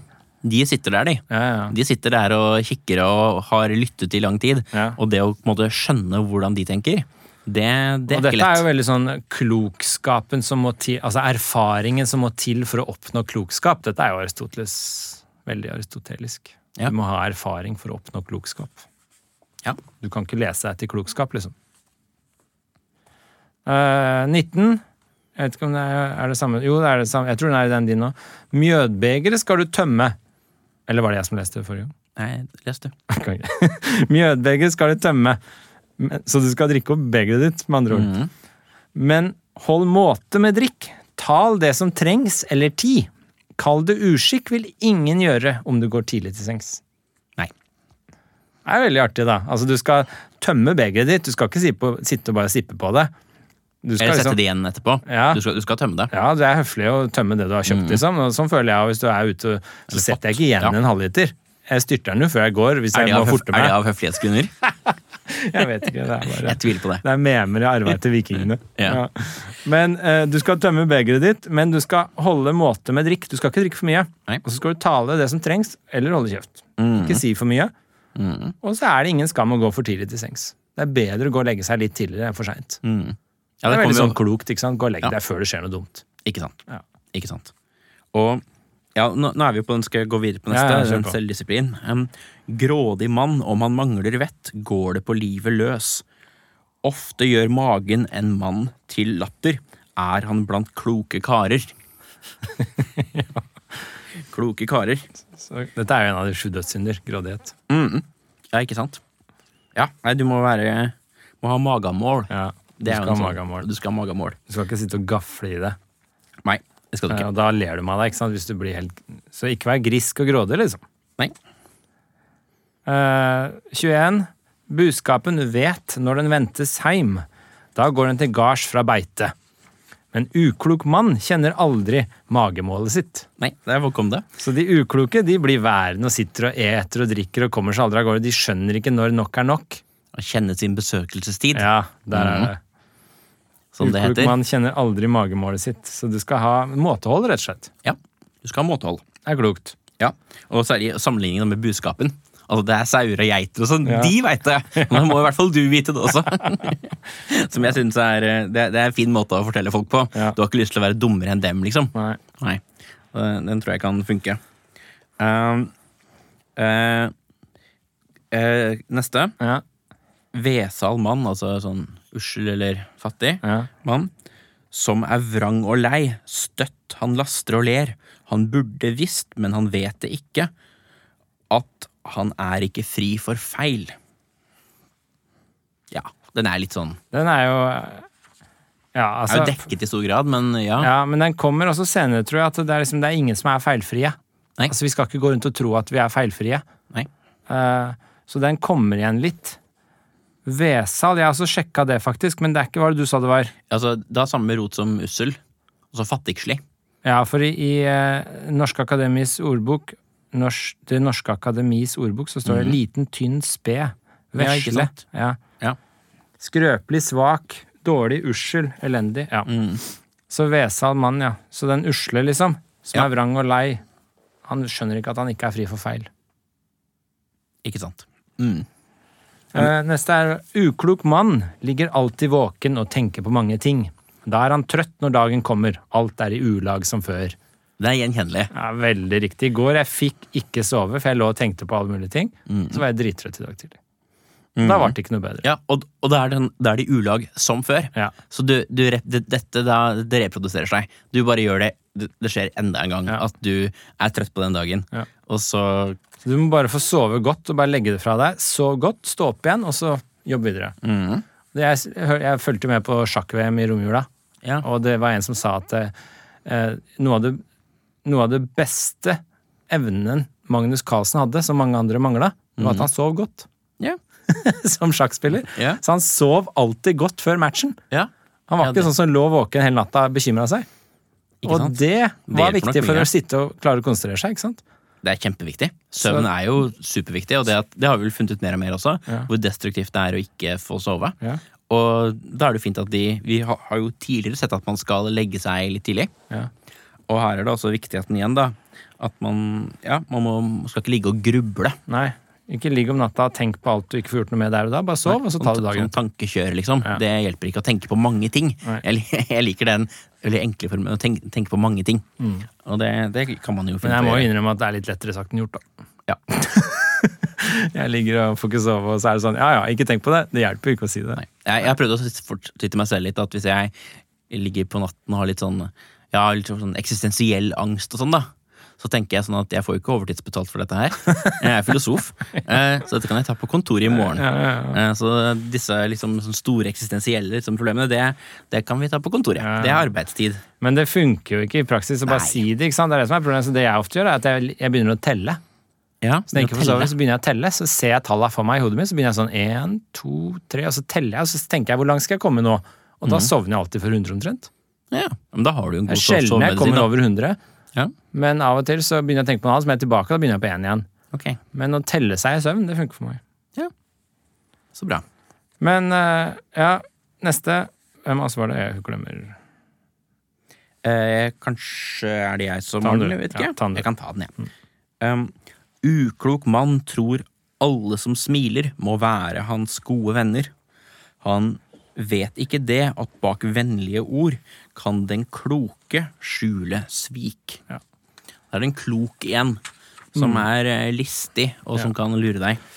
Ja, men det er også den kloke mannen. Det er den som liksom Han skjønner at det er noe bak. Så han har erfaring, han har reist vidt og langt, og han har skjønt liksom hva som skjuler seg i brystet på folk. Ja. Og det vises ikke bare med et smil. Nei. Så du kan jo smile falskt, for eksempel. Så den ukloke, han tror liksom at eh, den som smiler, er en god venn, mens den kloke skjønner at det ikke alltid er tilfellet. Ikke sant? Så egentlig er det bare sånn, du skal ikke dømme boka på coveret, liksom. Nei.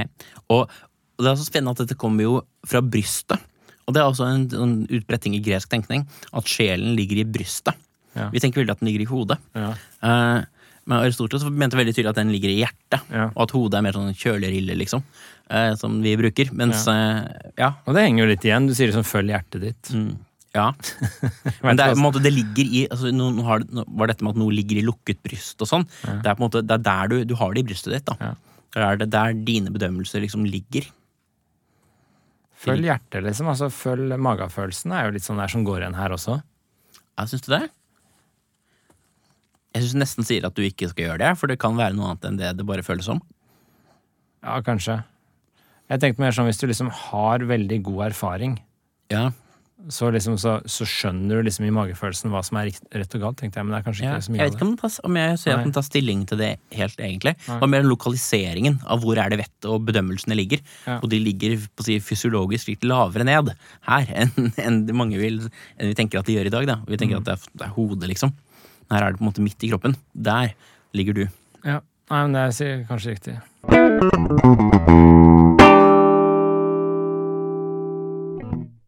Neste så sier han det, går- Her går det igjen flere vers som begynner med 'uklok mann', bla, bla, bla. ikke sant? Eh, Og her er neste. 'Uklok mann tror alle som smiler, må være hans gode venner'. Han finner snart, når han farer til tings, at få vil fremme hans sak. Ja. Eh, Og det å fare til tinget, ikke sant? det var jo sånn du sendte representanter til tinget et par ganger i året, eller noe sånt, og så ja, løste du opp i større tvister der. Og da måtte du legge fra deg våpna på utsida, og så gikk du innafor ringen, og så satt du der og diskuterte. Og vi har jo fortsatt tingretten. Ja, det er der Som det jo kommer derfra. Ja. Og det var jo veldig sånn, det er jo noen som påstår dette er liksom et av de lengstlevende demokrati, direkte demokrati, mer eller mindre direkte demokratiene vi har, da, fordi vikingene møttes på tinget. Det var ingen overordna statsmakt. De møttes på tinget, løste konfliktene, dro tilbake. Ja. Så de hadde representanter som dro. Og alle kunne til og med få komme og tale sin sak på tinget. Eh, Og dette fungerte jo i mange hundre år. Også når eh, ma- noen, da, litt kontroversielt, som mener da at Harald Hårfagre var jo roten til alt vondt, fordi da begynte han å samle alt i et rike, og så Ja. ble det en kongsmakt. Og Det da er ble det sånn- en autoritet, og da ble det en autoritær stat. Tidlig sånn Ja, ikke sant? Så det var jo ordentlig demokrati før Harald Hårfagre fucka opp alt. Det er mulig, men man, man, man, man, men man har jo en tanke om at ja, det er tinget her og der. Men så er det et spørsmål skal man ha på en, måte, en sånn sentral ting, og det er jo da Stortinget. Stortinget er jo nettopp det tinget Mm. Ja, Mm. ja, som er stort i forhold til de andre. Det er på en måte hoved, hovedtinget. Så vi har tingretten rundt omkring, og så har vi Stortinget. Ja. Så den ukloke mannen tror at alle som smiler er hans gode venner, men han skjønner når han kommer på tinget at eh, det er ikke så mange som kommer til å tale hans sak. Nei. Fordi når eh, push comes to show, Ja. som det kalles, eh, så, så er det ikke sikkert. Det er jo der det liksom, det liksom veldig mye handler om å på en måte bygge allianser før disse tingene. Ja. Neste, altså uklok mann, da. Uklok mann skjønner alt, tror han. Krøpet inn i sin krå. Men ord til svar kan han aldri finne om folk vil fritte ham ut. Nei. Ikke sant? Skal, vi ta, skal du ta Ja, Vi må bare kjøre på litt Vi må- her, for jeg har vi må lyst til ta at vi et skal snakke litt om det filosofiske Vi- perspektivet her òg. Det må vi gjøre. Hvor langt ut er vi? Vi har liksom holdt på en time Ja, allerede. ja, såpass. Og nå er det jo eh, Vi er jo ikke halvveis i gang, så vi kan velge ut noen her, men eh, her er det en litt artig en, da. Det er neste 27, så sier han 'uklok mann mellom andre folk'. For ham er det tryggest å tie. Mhm. Ikke sant? Så hvis du er uklok når du går rundt med andre folk, ti stille. Ja. For ingen vet at han ingenting kan, holder han tungen i tømme. Mm. Så, så, så tier du, så er det ingen som skjønner at du, sier noe, at du ikke skjønner noen ting. Nei, for da kan du være Du kan være klok. Du kan, være den veldig kloke, Ja, du kan som bare fremstå som sitter der og klok. ikke, Så ikke Mm. bare, Hvis du ikke skjønner noen ting, ikke si noe. Og det er jo litt sånn godt råd i dag, da, med alle mulige folk som mener veldig mye i flest mulig kanaler, Mm. og liksom er eksperter på alt i kommentarfelter og sånn. Ikke sant? Mm. sant? Hvis du ikke skjønner noen ting, ti stille. Det kan Ja, være godt råd. Mange det er bør, veldig godt bør råd. følge mer. Det er veldig mange som mener veldig mye om veldig mange ting Ja. som de ikke burde mene noe om. Ja. Eh, det- så det er jeg enig om. Er vi kanskje begge litt sånn skyldige? Ja, vi mener mye rart, vi også. Men, eh, men skal vi hoppe over et par stykker nå? Ja, vi og gjør gå for det. eksempel Eh. til den derre om eh, omveg er det eh, til utro venn.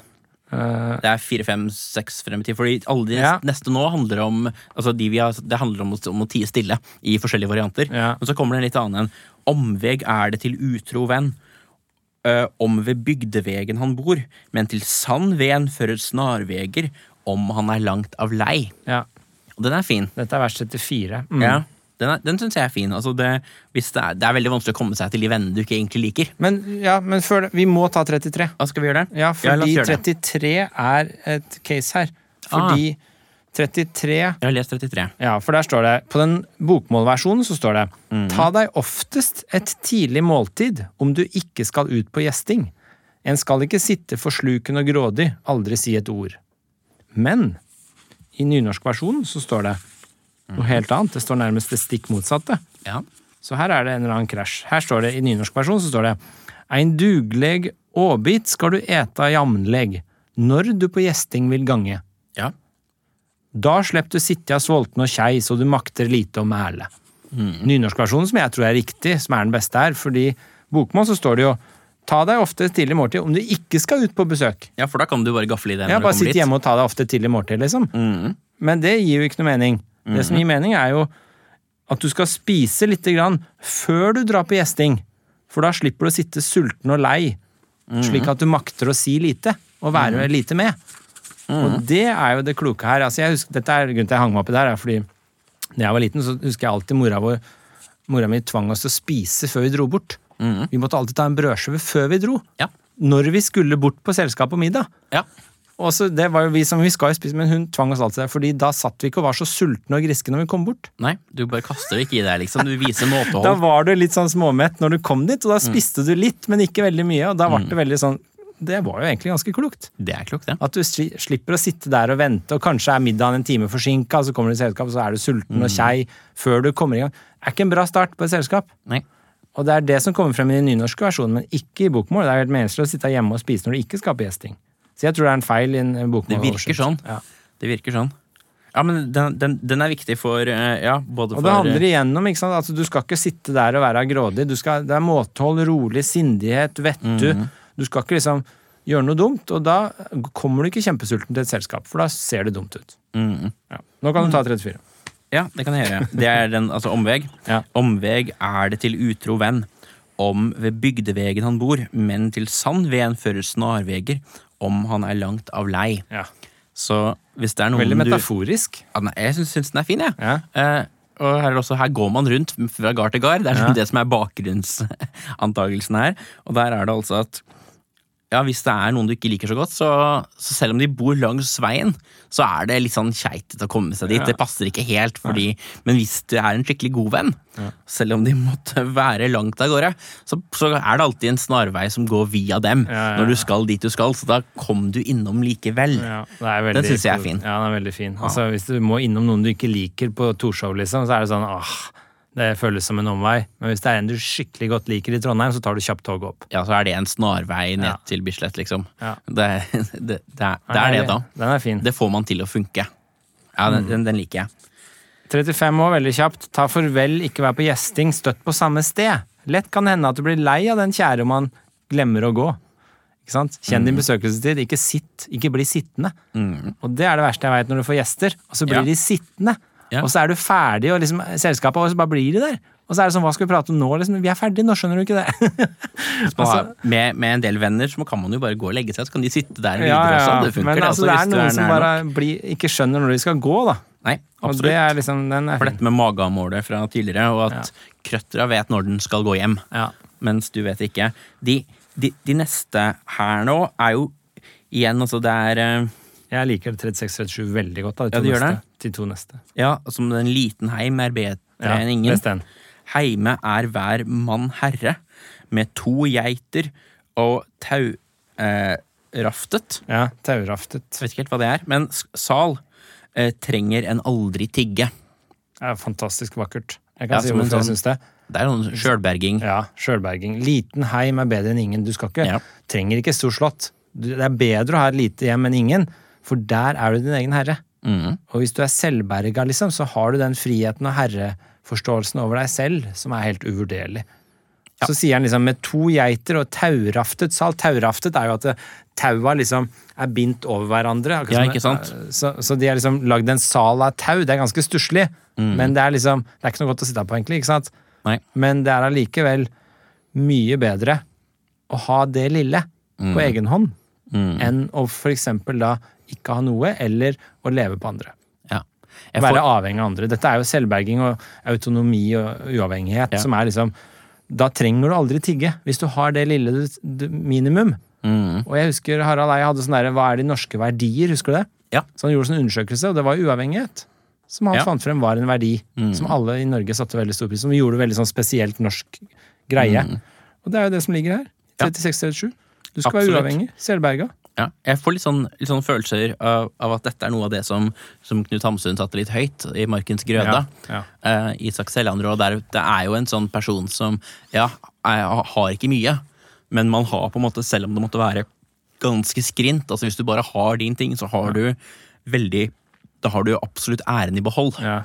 Og det er noe stakkarslig over det å må være avhengig av andre, ikke sant. Og så, sånn som i neste, da, som sier mye av det samme, så sier han jo 'liten heim er bedre enn ingen'. Heime er hver mann herre. Det er den samme som forrige. Så står det 'hjertet blør i brystet hos den som må tigge mat til hvert mål'. Ikke sant? Det er noe stakkarslig og, og veldig nedverdigende egentlig over det å måtte tigge. Ja, Så du skal klare deg sjøl, og da er det mye bedre å ha bitte litt. ikke sant.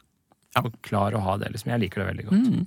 Ja, de er de, de, de, Igjen er det liksom måtehold og sindighet, ikke sant? Bare ikke vær Ja. grisk, ikke vær for- forla- storforlangende, ikke sant? Hvis jeg, det er bedre å sitte på et bitte liten heim med en taurafta sal og ikke måtte tigge, enn å bo i et svært slott, men hver dag måtte tigge til han som er enda rikere enn deg. Mm. Ikke sant? Men, men her er vi også litt sånn tydelig førkristne også, da. Mm. Blant kristne så er det jo til og med tiggerordener, blant munker og slik. Altså det er ikke, det, det er ikke noe sånn ille nødvendigvis det er sånn å være en som tigger, liksom. Ja. Mens her skal du på en måte ha æren i behold, da. Du skal, du skal ikke tigge, du skal liksom ha ditt lille. Og da, når du har det, så går du Ja, så går det Har du det du trenger. Hvilke, vi hopper over et par nå, eller?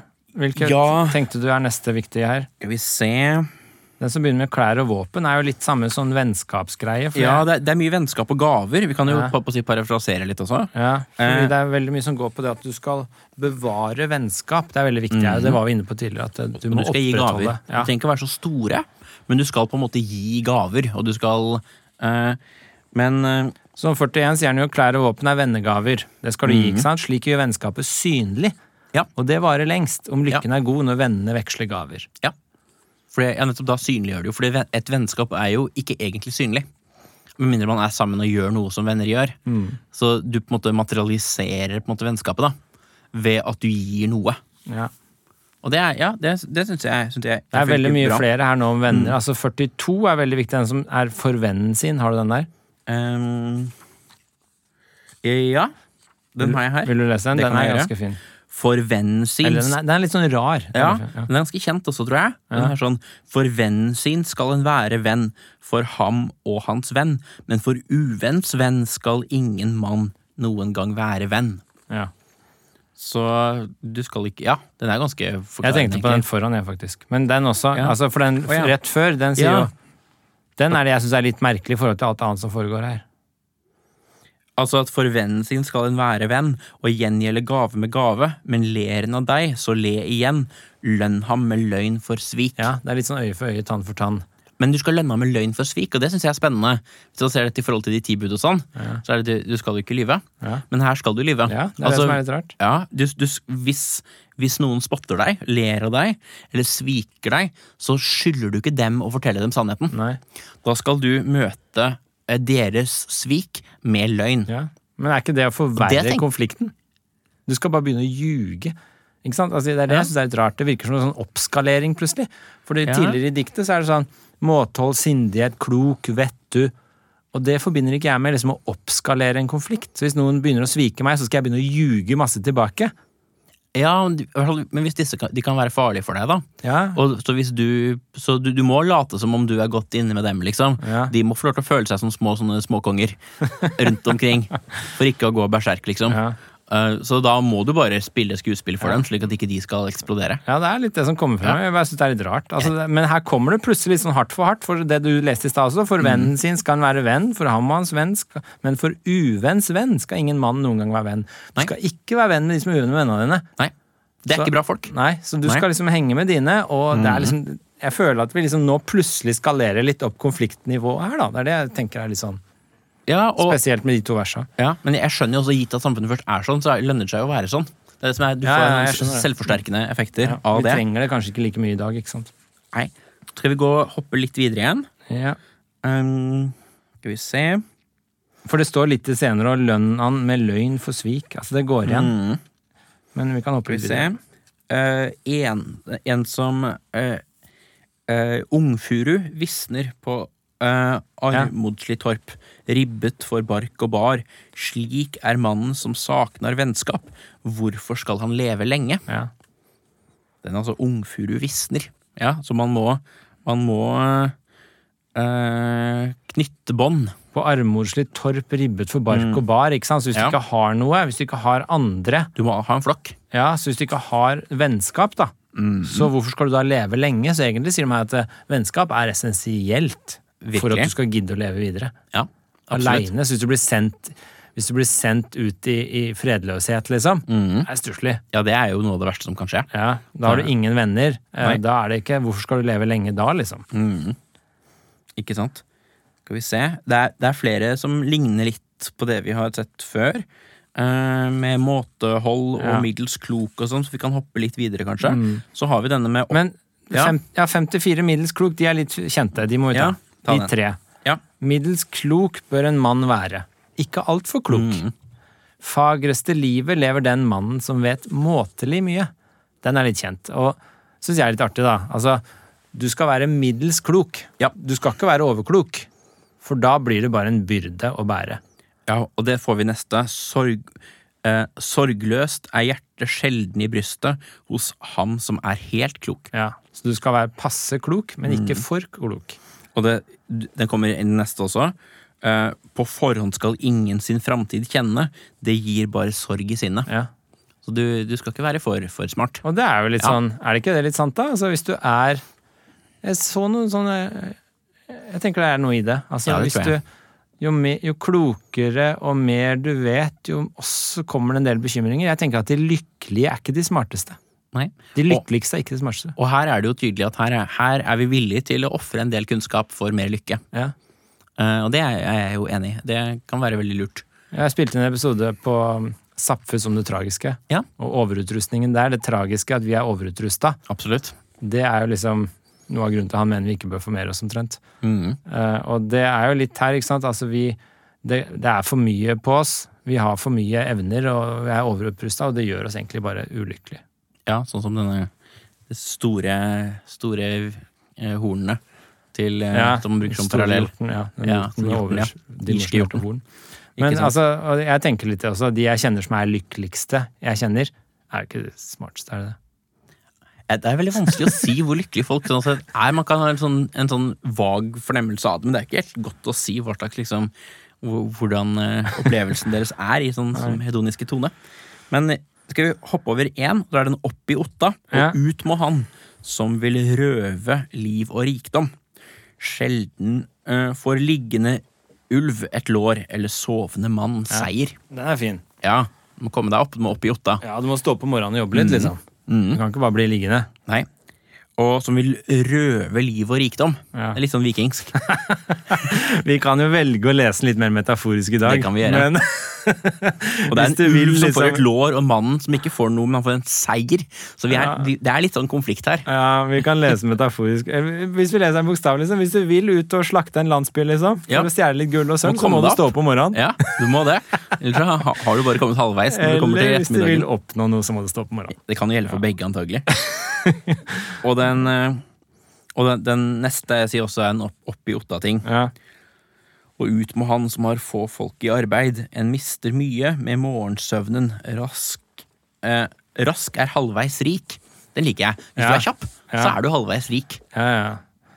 Du mister mye med morgensøvn. Du skal ikke ligge og dra deg om morgenen. Nei. Du må stå opp og være kjapp. Da Ja. blir du fort, da går det deg bedre. Ja. Ja. Bare Jeg liker den. sparke deg i gang. Og det Er litt sånn, er ikke det litt sånn eh, f- norske folkesjela òg? Det er ikke bare norske, tror jeg. Veldig sånn I USA Ja, det tror er det jeg. veldig, det er veldig amerikansk Må holdning. opp og Ja. ut og Du skal ut og opp i trærne. Jobbe Du hardt, får barn liksom. og- ja, du må Selv, opp. Kom deg opp. selvfors- selvlagd, hardtarbeidende person er jo stas i USA. Det er det. Og dette er veldig sånn protestantisk. liksom, greie. Altså, Ja. Du skal på en måte du, du, du, skal, du skal ha selvdisiplin til å ja, ikke ligge og dra deg. Ja. Ja. Skal vi Og se. jeg liker den som er 61. Det er, et par, det er to bortafor den du leste akkurat. Den liker jeg litt. Altså Her står det Dette er nummer 61. Vasket og mett skal en mann Ja. ri til tings. Sjøl om klærne er slitt. Skam deg ikke over sko eller brok, og ikke over hesten, om aldri så låk. Ja. Den liker jeg litt. For igjen Den- er det den derre Du skal vaske deg og være mett, og så skal du ri til tings med stolthet. Du skal ikke skamme deg Mhm. Nei. over det lille du har. Nei. Og den er jo litt kul, da. Altså, det, det, igjen er det liksom, Jeg ser på det sentrale moralske begrepet er skam og ære liksom, Mhm. i vikingtida. og her er Det litt sånn, det er, ku, det er noe kult over han som liksom rir med hevet hode Mhm. i fattigslige klær til tings, liksom, enn han som kommer skammende ruslende. Du skal Ja. liksom fremstå med stolthet. Mm. Det liker jeg veldig godt. Ja, den er fin. Det er ingen grunn til å liksom vise noen skam for det, eller til og med å skamme seg. Nei, Vær stolt av det du har, liksom. Ja. Ja, Fattigdom er ingen last, som man jo sier. Det er eh, nok riktig. Kan hoppe over et par her nå, Ja, tenker kan vi gjøre. Skal vi se, hvor skal vi Ehm, Det var dette med jeg. 64 Makten sin, den er litt fin. Ja, makten sin bør en mann som har vett, bare bruke med måte. Blant modige menn merker han snart at ingen er djervest av alle. Ja, den liker jeg litt. Altså, hvis du har mye makt, bruk det med måte. Mm. Og blant modige menn så skjønner du at det er ingen som er perfekt. Ja. Du skjønner at folk kan gjøre feil. Men det er noen som må være djervest, da. Ja, må du det? Altså, de er djerv, ja, du kan tenke deg en balanse hvor Ja. han er djerv på én måte, mens Ja, det den andre kan er hende. djerv på en annen, og så er det, Det kan alltid hende. alt ingen som er djervest. Nei, det kan hende. Det, det kan jeg kanskje gå med på. Hvis Ja, du er ja. en slags sånn Så pluralist ingen som er dere er. djervest av alle. Det er litt, jeg liker den ideen litt, at Ja. du skal liksom være litt sånn du skal ture fram, liksom, men du skal bruke makten din med måte, og så skal du være litt åpen for at folk kan gjøre feil, og ingen er perfekte. Mm. Så litt sånn, Der kan det ligge litt mellom linjer. Liksom, tilgi sånne småfeil, se litt stort på det. Enig. Det er eh, De neste handler litt om eh, noe av det samme med punktlighet, å komme seg opp Ja. og slik. Og så er det en Ja, L er best for menneskebarn, og syn av sol. helsen sin for en ha den bare, og leve uten lyte. Ja. Så det er liksom Det er veldig bra å være frisk og sunn, er det ikke det? Ja, du må ut. Ja. Du kan ikke bare sitte inne i stua di og Du, du, du må Altså, det, det, det er bra med sol, og det er bra med ild. ja. Det, det, du må ha kraft, liksom. Og den, den neste også er litt- faktisk litt sånn subtil, syns jeg er litt fin. Altså, den sier en er ikke helt uskyld, sjøl om helsen er låk. Mm. Somme har glede av sønner, somme av frender, somme av rikdom, somme av velgjort verk. Ja. Ikke sant? Altså samme hvor hi- Hvis helsa di er litt dårlig, da, Mm. så er det ikke helt håpløst. Nei, det er glede likevel. Ja, kan være du glede kan ha likevel. glede av være unga ting dine der. selv om du er sjuk, liksom. Absolutt. Ja. Absolutt. Så ikke, ikke liksom dra deg ned med én ting og la det liksom ta over. Bare fokusere på de gode tinga du også har. Mm. Den er litt fin, da. Og hvordan man skal forholde seg til det, er jo over de neste versene også. Sier noe, noe om det. Leve er bedre enn livløs være. Har en liv, kan en lett få seg ku. Ja. Den liker Eh, jeg. ja, L, så jeg rase i rikmannens gard, og døden venta ved døra. Mm. Og videre også neste, da. Halt kan ri hest. Så hvis du ikke kan gå, så kan du ri. Ja. Ja, ja. Uten hånd kan en gjete. Døv kjemper og duger. Ja, ikke sant? Du kan fortsatt være soldat og Ja, være døv. I hvert fall i den verden der. Du bare gyver løs. Blind er bedre enn brent å være. Lite gagner et lik. Og Disse to er jo fine, fordi her Ja. står det liksom eh, Det er bedre å leve enn å være dau. Ja. Ikke sant? Og det er nok en sånn godt råd. altså, Ikke legg deg ned og dø. Det er Nei. bedre å leve. Og hvis du har det kjipt, liksom, hvis du er halt, da, så sett deg på hesten. Ja. Og liksom, hvis du mangler hender, så gå og et sauene. Liksom. Det kan du gjøre uten hender. ja. Eh, og, og er du døv, så slåss i hvert fall. Du kan Ja, s- bruke du kan synet. gjøre et eller annet. Ja. Så bare et Ja. eller annet er Ja. det alltid av potensial der. Ja. Og det liker jeg veldig godt. Altså, jeg har skrevet om meninga med livet, og at det er å forbedre ting. Mhm. Og det er jo veldig i tråd med det her, syns jeg, da, at du liksom Samme hvor ille du har det, så, så lenge det er et eller annet forbedringspotensial eller utnytte eller noe du kan blomstre i, Mhm. så er det en viss mening i det. Ikke sant? Ikke la det ene negative ta overhånd. Nei. Og det syns jeg er veldig fint her. Det kommer Det fra er meg. veldig fint. Nå er det bare tre vers igjen av disse visdomsordene. Ja, jeg har et par til her, men vi Ja, kan se gjør det. Hvilke er det du tenkte var best her nå? da? Skal vi se Tja i- en, Dette med gullet er jo en, og så er det den som Ja. er om heder, da. Eh, Med ettermæle. Jeg vet ikke hva Du kan velge noen, du. Øh, ja, Fe dør. Har du de to? Ja, fe dør. Ja. Og så har jeg den som heter ikke vet, den som ingenting vet. Og så har jeg den som heter godt med en sønn, om seint han er født. ja vi kan ta den ikke vet øh, først. da. Altså, ikke Ja. vet den som ingenting vet, at gullet gjør mange gale. Mhm. En er grunnrik, en annen fattig. Legg ham det ikke til last. Nei. Ikke sant? Altså, gull og, og rikdom kan gjøre deg gal. Mhm.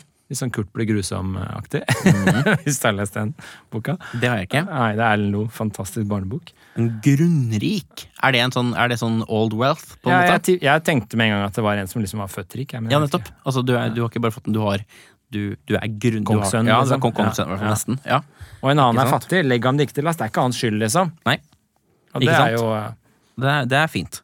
den er fin. Altså, du skal liksom ikke laste folk for det de ikke kan noe for. Nei.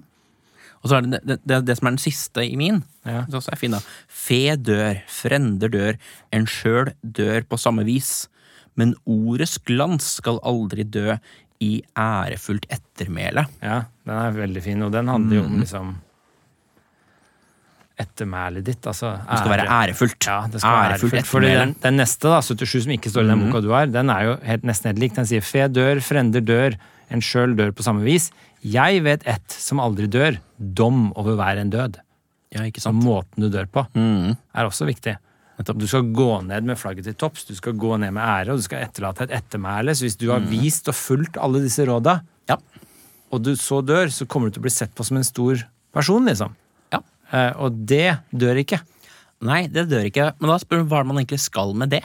Hvis man, vi, vi, vi- altså, hvis man hvis vi skal, skal vi gå over i litt mer sånn Snakke om litt hva, om etikken i dette Ja, her? vi må nesten det, for jeg har brukt Ja. veldig lang tid.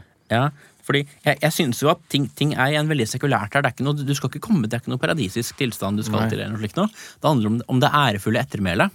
Men, men hva er det du skal med det? Er det slik at dine barn nyter godt av det? Eller er det at de blir lykkelige av det? Eller, eller er det godt i seg selv? Å ha dette ærefulle ettermælet, hva skal Ja. du med det?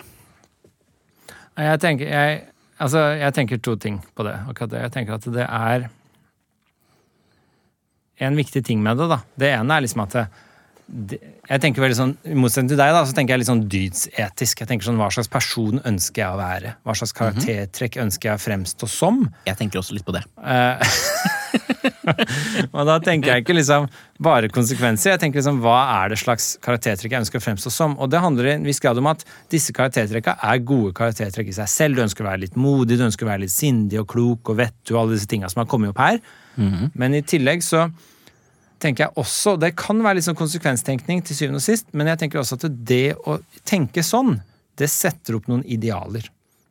Det gjør det. Og det å etterlate seg et ettermæle når du går ned og dør, og alle husker deg som han som var så i- innmari klok og sindig, liksom. Eller han som var så, hadde så stor ære på det han gjorde, han som gjorde det så nøye. Han, han snakka ikke mer enn han trengte, han tenkte først og snakka etterpå. Når du fremstår med gode karaktertrekk, så er det på en måte idealer vi andre kan strekke oss etter. At Mhm. Ikke det sant? er realiserte idealer. Og det tenker jeg liksom, spes- bare sånne enkle ting som med mine barn, og jeg ønsker å fremstå som et godt eksempel i det jeg gjør, ikke bare det jeg sier. Nei. Ikke sant? Og da etterlater du deg et ettermæle som jeg tenker er liksom sånn noe å strekke seg etter, og det er veldig viktig. Og det er på en måte et gode i seg selv, fordi det er godt, gode karaktertrekk, men det har også en konsekvens. Nemlig at vi har noe gode idealer å strekke oss etter, som kan ha gode konsekvenser. Ja, for det kan hende hende at ens barn vil på å si, gjøre lik- slik som en selv gjorde, litt uavhengig av hvor god en egentlig var. Ja. Eh, Og at derfor må du passe på å være bra, fordi hva enn du gjør, så er det sannsynlig at det vil speiles videre. Men, men det er veldig eh, jeg, jeg, jeg tenker at det finnes nok ikke noe svar på hvorvidt disse sånn ultimat sett da, tenker at gode ligger eh, på å si for eksempel i realisere lykke, da, eller om det ligger i å manifestere visse karaktertrekk, eller hvordan de relaterer seg. Jeg tenker Det er jo en sånn, det er en litt sånn en veldig filosofisk diskusjon, egentlig. Ja. For du kan jo ha ganske på å si, substansielle teorier om hva som er godt, uten å egentlig ta stilling til det spørsmålet. Så jeg vet ikke om man egentlig kan tenke at de tok stilling til det, egentlig. Nei, det var jo heller ikke en særlig stor skriftkultur, ikke sant? slik at det, det er tvilsomt at jeg har lest veldig mye i det hele tatt. De er liksom, dette, er et, dette er etablerte normer og kloke ord som på en måte har danna seg i mønsteret her. Jeg, tror, jeg vet ikke om de satt og leste Aristoteles, for å si det sånn. Nei, det Slik at det, tviler jeg på. Ja, de gjorde nok ikke det. Slik at det, eh, Dette er jo sånn presokratene våre, dette her. Ja, dette er liksom Ja, det er jo et godt poeng, egentlig. Og det er jo Jeg tenker at det, det er derfor det også er så jordnært, for dette er liksom erfaringsbasert kunnskap. Mye av det de skriver her. Dette er sånn du liksom skjønner når du har levd litt. Det er det. Eh, Det er ikke noe du bare kan tenke deg frem til, tror jeg. Nei. Men det, det, det er spennende. Hva er det, man, hva er det som snakkes om her? Og, og hva, jeg jeg er enig, man kan ikke bare tenke seg frem til det. Dette er veldig sånn livsvisdom. Det er mye empiri her. Det er mye sånn psykologi eh, blanda med, med etikk, eh, som, er, som er veldig s- flott. Um, men det er interessant hva som ikke er med her. altså Hvis du tenker i forhold til andre som de ti bud og slikt, da, så er det jo slik du, der er det veldig mye om disse gudene. Du skal ikke andre guder enn meg, og du skal ikke misbruke Herrens navn og sånn. Det er vi ikke opptatt av her. Hvis det er noe fremtidig liv, så er det ettermælet ditt. Eh, Kvinner er ikke nevnt. Jo, senere. Er det det? Ja, Ja, de kommer sånn- nevnt senere. senere, fordi, men det er i hvert fall ikke noe du skal ikke bedrive hore og sånn. Det er ikke noe stort problem. Nei, de er nevnt senere. Altså, det er faktisk ikke så veldig flatterende, det som nevnes. Nei, det kan jeg se, se for meg. Altså, jeg kan men det er bare- veldig mannsorientert. Ja, det er veldig mannskultur, det her. Eh, Jeg kan bare si, vi kan si det ene om kvinnene, en eller to om kvinner her, fordi det, det sier jo litt. Altså, i, i, åt- dette er vers 84. Så står det her En jentes ord skulle ingen tro, og ikke en hustrus heller. For på kvervende hjul fikk de hjertet skapt, lettsinn i brystet lagt. Du skal ikke stole på damer. Nei. Og det, og det kan jo forklare hvorfor, vi ikke skal, hvorfor det sies så lite om dem også. Ja. De er på en måte liksom aktører liksom på siden her, som vi jo gjør klokt i å ikke forholde oss så mye til hva angår ordentlig business. Og så senere er det et vers hvor det står liksom bare at det det er liksom metoo over det. Altså, damene skal liksom, de skal kysses. Ja. Ja. Nettopp. du skal få kyss av damene, liksom. Det er det deres jobb. Ja. Så det er, ikke veldig, sånn- det er veldig mannsdominert kultur der også. Ekstremt.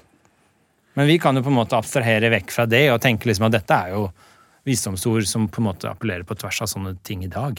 Ja, man må jo nesten det. det er, jo- kan tenke at ok, noen som har så fæle meninger, de skal man ikke høre på. Men da, det er jo en veldig sånn altså, folk tar jo vel, har jo tatt feil om forferdelig mange ting. Ja. Og vi har sikkert store blindflekker i dag også, som vi ikke helt bare tenker på.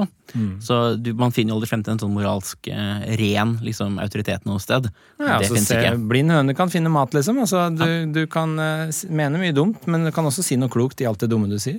Mm. Eh, Så her er det jo masse klokskap, spør du meg. Mm. Men det jeg hadde litt lyst til å spørre deg om, er hvordan tenker vi altså sånn jeg, I etikk, ikke sant? i etisk tenkning, så ser vi jo tre hovedteorier. Det er liksom konsekvensetikk, som er liksom at det riktige å gjøre er det som har de beste konsekvensene. Og så har du eh, eh, kantiansk eh, pliktetikk, som er liksom at du skal følge denne maksimen. Du skal gjøre noe ut fra en regel, og i kraft av den gode viljen skal du gjøre noe. Så du skal f.eks. da universalisere. Du skal tenke f.eks. at det du gjør, er rett, hvis det er noe du kunne ønske at alle gjorde i din situasjon, selv om du var på andre siden av bordet, så å si. Og så har du dydsetikken, som sier at du skal gjøre det den dydige personen ville gjort. Det som den personen med de gode karaktertrekkene ville gjort. Og hvilke av disse tre store hovedteoriene tenker du liksom passer vikingene best her? jeg, jeg tenker at de er helt agnostiske overfor det spørsmålet. Og at eh, du kan jo for eksempel si da at her er det mye dydssnakk, Ja. og det er det jo. Ja. Men hvis man snakker om teorier innenfor normativ etikk, så er det jo ikke slik at noe er dydsetikk fordi dyder er viktige. Eh, det handler om hva er det som er ultimat, og hva er det som er derivativt. Og det spørsmålet tenker jeg, det tar ikke de her stilling til. Men, men hvis man tenker sånn overflatelikhet, da, så tenker jeg at eh, man kan jo, hvis man har lyst til å lese noe deontologisk inn i denne æren, og sånn da, så kan man jo gjøre det. Eh, man, kan, man kan lese noe dydsetisk inn i ja, alle de mange dydene man snakker om her. Ja. Og, og man kan snakke om noe konsekvensialistisk ved at det jo synes å være denne lykken eller saligheten her, da. Ja. Eh, sæl, som man liksom skal gå hen imot. Men jeg, jeg, jeg vet ikke om den Om det Du tenker at det egentlig Nettet. passer like godt til alle tre, du? jeg, jeg tenker at du kan, du kan, du kan holde hvert eneste av de Ja. synene her sånn. Fordi man må på en måte Ja, det kommer an på hvordan man vil Ja, for de bruke selv ordene, var hvis jo ikke klar over det her. De hadde jo ikke de skillene Nei. mellom de tre teoriene. Men jeg tenker mer sånn, når jeg leste det, så, så liksom, tenker jeg sånn, det er veldig sånn aristotelisk dydsetisk tenkning, tenker jeg. Det er sånn erfaringsbasert, det er klok og sindighet, det er liksom den gylne middelvei, du skal aldri for mye i noen retning. Det er liksom det å så kunne altså Dyden hos Aristoteles er liksom en holdning du har hvor du kommer i en situasjon, og så evner du å ta det der kloke valget i den situasjonen som ikke er ekstremt i noen retning. Det er liksom en dydig holdning. Eh, og det ser jeg veldig her. ikke sant? Du evner å, å tenke først, tale etterpå, si det du skal, men ikke for mye. Alt er liksom en måtehold. Og så er det noen vers som jeg kanskje er litt utover den du hadde, men det er liksom et- 81-82 så er det veldig sånn om dette med at det liksom ting har et mål, og så skal det realisere det. Litt sånn teleologisk tenkning. Det kommer opp her, og det kan være liksom verdt å se. Altså, det er to vers her. Jeg kan Ja, lese. les dem. Om kveld skal dag roses. Kvinne når brent hun er, sverd når brukt det er, brud når gift hun er, is når den er over er, øl når det er drukket er. Så om kvelden så skal du begynne å rose det som har skjedd. Du skal ikke liksom drive med det underveis, du skal liksom fullføre dagen. Og så når det har skjedd noe, om det er godt eller dårlig, så skal du begynne å se på hva er det som kan roses her. Gjøre opp regnskap på en måte. Gjøre opp regnskapet på kvelden, og så etter at det har skjedd, liksom. Ja. Og så neste, så sier han veldig sånn I vind skal tre hugges, når været er godt skal du ro. I mørk tale med kvinne, i mørke tale med kvinne. Mange er dags øyne, av skip skal fart kreves. Men en skjo- av skjoldet vern, hogg av klingen, men av kvinne kyss. Der var det kysset Så alt har på en måte sin rolle. ja, alt har en rolle, et mål, en definisjon, og så skal det oppfylle det. Mm.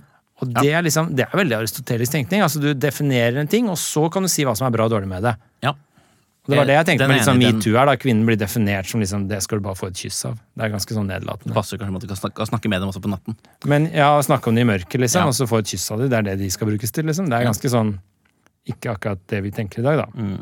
Men i vinden skal tre hogges, ikke sant? Når været er, Er det godt, best å da hugge skal tre, du ro. hugge trær i vind? Ja, jeg lurte litt på det. men Jeg er veldig jeg- sånn, ok, Skal du på en måte hugge den i sånn vindretningen? da, Jeg Så den tipp- blåser ned, Ja, liksom? jeg tipper at det er noe sånt. Kanskje. Eh, Ja. Mm. Været er godt, skal du ro. Du skal ikke ut og ro når det er dårlig vær. ikke sant? Altså, Alt skal liksom passe til sitt formål. Ja, men det kan man jo være enig i liksom, uansett på en måte litt. Altså tenke at ok, du må bruke det på en god måte. Men eh, uten at det ligger noe at alt skal realiseres i natur, som blir den veldig sånn teleologiske tanken. Ja. Men jeg syns det er noe sånn epikureisk over dette også. Ja. Det ene er denne saligheten og lykken som ligger der. Det andre er dette med at du skal ikke bry deg så mye om denne døden, egentlig.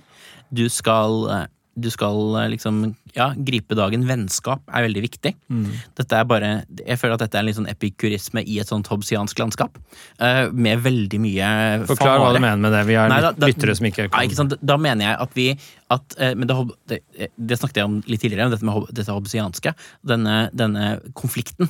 Det at det er så, det er så skummelt sted. Du kan bli backstabba av eh, eh, hvem som helst når som helst. Litt sånn naturtilstand, alle mot alle. Naturtilstanden. Ja. Og at det, det er en liksom farlig verden.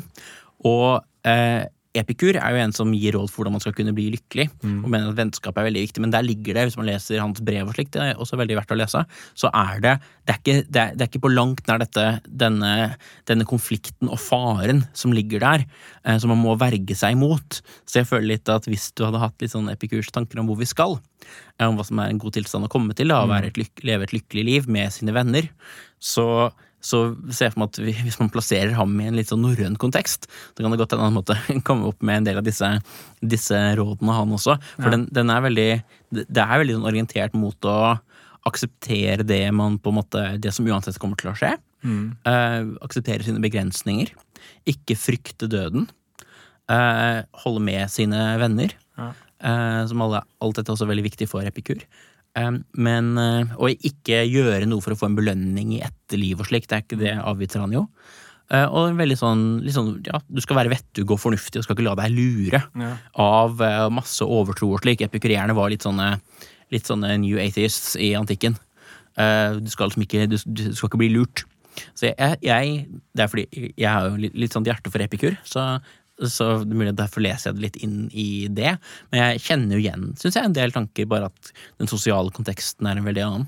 Ja, Det er litt sånn jeg har med Aristoteles hjerte for det, og derfor leser jeg litt inn i det. Men poenget er kanskje at det er jo interessant, da, hvis det du sier er rett, da, som høres veldig fornuftig ut, spør du meg, det du sier nå, og hvis det er riktig, at det, alle disse store te etiske teoriene kan på en måte forklare eller passe med dette, Ja. så er det jo ganske interessant at dette kanskje uttrykker ganske så universelle sannheter. ikke sant? Det uttrykker ganske sånn derre ting som er felles i alle systemene. Det er ikke bare ett av systemene det fanger opp. ikke sant? Det kan være ganske interessant at det da faktisk er ganske subtil visdom vi får her. Det kan det absolutt være. Og, Altså Hvis de er enige med Epikur, som er det sånn gamle grekere, liksom. Altså, eh, Når var Epikur? Sånn type eh, litt etter Aristoteles. ja, så liksom eh, Antikkens gamle grekere, ikke sant? Altså, da, da snakker vi sånn 300 år før vår tidsregning. Ja, 250-300. Og da Det de sa da, liksom bare stemmer veldig godt med det de sa i år 1000. 1200, 1100, 1000. Så er 1000, og 1200, 1300, 1400 år senere, så er det liksom Syns jeg er veldig kult, da, for jeg er veldig opptatt av dette med at du skal du skal kunne finne frem til noe som er universelt sant. Ikke bare liksom det som er betinget her og nå. Og det føler jeg kanskje er det er en litt sånn artig tankegang, da, hvis det du sier er riktig, at alle disse forskjellige historiske epokene og sånn kan passe med det her. Ja, altså Man tenker jo filosofisk at veldig mange teorier er kompatible med veldig mange andre teorier. Det kan være noen sånne, litt, sånne, litt sånne syke komboer noen ganger, men det meste er kompatibelt. Og jeg tror det er viktig at, vi ikke bruker, at man ikke bruker så altfor mye fokus på dette deontologi, konsekvensialisme, dydsetikkskille. Ja. For det er et spørsmål om hva er det som er ultimat, og hva er det som er derivativt. Mm. Og du kan, altså det er litt som om du skal drive med løping, for eksempel, så kan du være veldig opptatt av tid og rom og romtid og, og eh, altså hva, hva, hva er egentlig avstand og sånn, men det er ikke sikkert du blir så god til å løpe av å bare vite veldig mye om hva og teoretisere rundt hva tid og rom er. Og jeg tenker noe av det samme innenfor etikk også, at det er ikke så mye alltid som står og faller på hva som er det ultimate, og at det ultimate egentlig er sånn, nesten et sånn verdimetafysisk spørsmål. Eh, Etikk er på en måte Ja, hva verdimetafysikk. mener du med ultimate derivativ? Al altså, hva, er det som, hva er det som ligger ytterst? Er det bare for å oppnå glede, for eksempel? Ja. At alt det andre blir gjort? Ja. Det er et sånn konsekvensialistisk syn. Eller er det slik at det å manifestere visse karakterkvaliteter er, eh, er et gode i seg selv, Ja. Mm. uavhengig av at det er instrumentelt til å oppnå andre ting? Eller som er da et dydsetisk syn? Eller et, da, et, et deontologisk syn? Skjønner. Eh, deontologi var ordet var laget av Bentham, forresten. Der alle er liksom gitt navnene av de motsatte. Det var Anscombe som kom med ordet konsekvensialisme. Det blir sånn filosofi internt, men det er en veldig sånn suppe av ord. Ja. Men deontologer vil jo tenke at det finnes visse prinsipper da, for hva som er rett og galt, hvor du, hvor- som ikke handler om å vise karaktertrekk eller om å skape gode konsekvenser. Det handler om nettopp det å kunne universalisere, det å kunne være i henhold til en sånn allmenn morallov. da. Mm.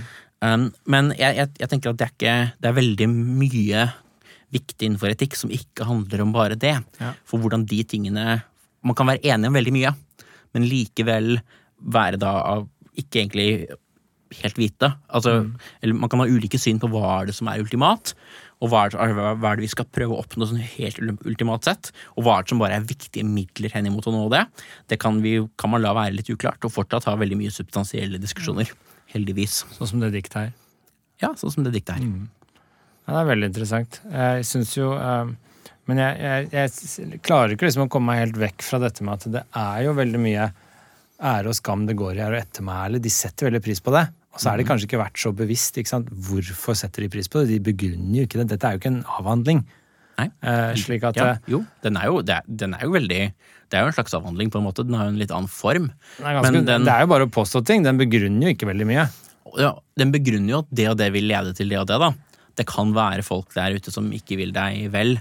Du kan, du kan screw up på forskjellige måter. Ja, gjør den- så, hvis du gjør sånn, så Og den er jo nettopp som du sa, den er jo basert på erfaring. Det er ikke en sånn a priori utlegging, dette her. Det er det ikke. Men det er jo nettopp en livsvisdom, og det er jo noe som altså Etikk og psykologi som fag gikk jo egentlig ikke fra hverandre. eller f- Filosofi og psykologi ble jo ikke forskjellige fag før på slutten av 1800-tallet, begynnelsen av 1900 nesten også. Om man går lenger tilbake, så er det jo veldig sånn i ett at man på en måte skal, altså som i, i antikken, da, det å i, i, tenke over etikk og det å forsøke å finne ut hvordan hva er gode regler for å leve et lykkelig liv, det er på en måte, det er litt av det samme, men i dag har jo på en måte filosofien drukket seg mer og mer til å snakke om det rent teoretiske, og outsourcer mer og mer til psykologien. Og der kan det hende man noen gang går litt for langt, kanskje. Det er det vi motarbeider her nå, vet du. Ja, og dydsetikere prøver også litt å motarbeide det, på en måte. Mm. Og, men jeg, jeg tenker det er en viktig jeg tenker det er, det er viktig at filosofer, egentlig, en, en ting er at psykologer strekker seg inn mot det filosofiske, men også at eh, filosofer snakker om den typen ja, livsvisdom da, som er her. Jeg er helt enig. Eh, og det, men altså, jeg tenkte mer på sånne som det du spør- stilte spørsmål tidligere, sånn hvorfor er dette ettermælet så viktig? ikke sant? Ja. Det begrunnes jo ikke noe særlig. Det bare tas for gitt. Eh, og hvorfor skal du liksom fremstå så klok? Ikke sant? Hvorfor skal jeg ikke i en setting fremstå som en dust, da, hvis det gagner meg? Det, frem, det argumenteres ikke for her. ikke sant? Du skal fremstå klok hele tiden, egentlig. Du skal være for, Og Det kan hende det ikke gagner deg, egentlig. Sindig. Ja. Altså, du vil ofte ta feil i det. Ja, så vil du... det, så det, er, det jeg mente med at det ikke er en særlig Det er ikke noen sånn filosofisk avhandling, det her, men det er veldig sånn kloke, erfaringsbaserte leveregler, da. Mhm. Eh, og det leser jeg veldig liksom, i Aristoteles, da, fremfor en sånn ren teori om hva er det rette definisjon, som du kanskje får mer i en kantiansk tenkning, ikke sant. Men det er du som er eksperten på etikk her, så Jeg er ikke, Ja. pro- jeg er ikke professor Ja. i etikk, vet du. Nei, nettopp. du er jo filosofi, da, Ja, så du metafysikk, inkluderer, ja. inkluderer etikken også. Nei, jeg er faktisk i metafysikk og religionsfilosofi. Det er det Ja, ikke som sant. er offisielt. Å ja, såpass. Ja. Men eh, det siste verset er jo litt eh, fint å lese, da. Mhm. Les det. Eh, dette er 164, og her står det Nå Og da er liksom alt ferdig, ikke sant? Så han har gitt en del råd, og når han har gått videre nå, så sier han Nå er den høyes ord kvedet i den høyes hall. Og dette er jo Odin det refereres til, da. Til beste for menneskebarn, til ugagn for Jotunsønner. Hell for den som kvad, hell for den som kan. Nyte dem, nå den som lærte, hell for dem som hørte. Så liksom, hvis du følger det her, da, og skjønner det og hører etter og sånn, Mhm. så skal det gå deg godt. Ja. Så det er liksom ment å være visdomsord som du skal, til etterfølgelse. Det er normativt. Det er det. Vi sier hva vi bør, og hva vi ikke bør gjøre. Ja. Og det er jo Det er så, bra. så det er jo på en måte Kanskje det er praktisk etikk, da. Anvendt etikk. Det er ikke normativ eller metaetikk. Nei, Det kan man jo, det kan man jo kanskje, kanskje kalle det altså anvendt etikk på egentlig litt sånn menneskelige relasjoner. da. Det er veldig relasjonelt her. Ja. Altså Noe handler om å være altså Det å være uavhengig også Ja. er jo på en måte noe motsats til å være avhengig. Så Det er veldig sånn, det er veldig sånn sosialt betinget etikk. Mm. Det er ikke så mye deg i forhold til bare deg. Det er litt at du skal gå med rak rygg og sånn.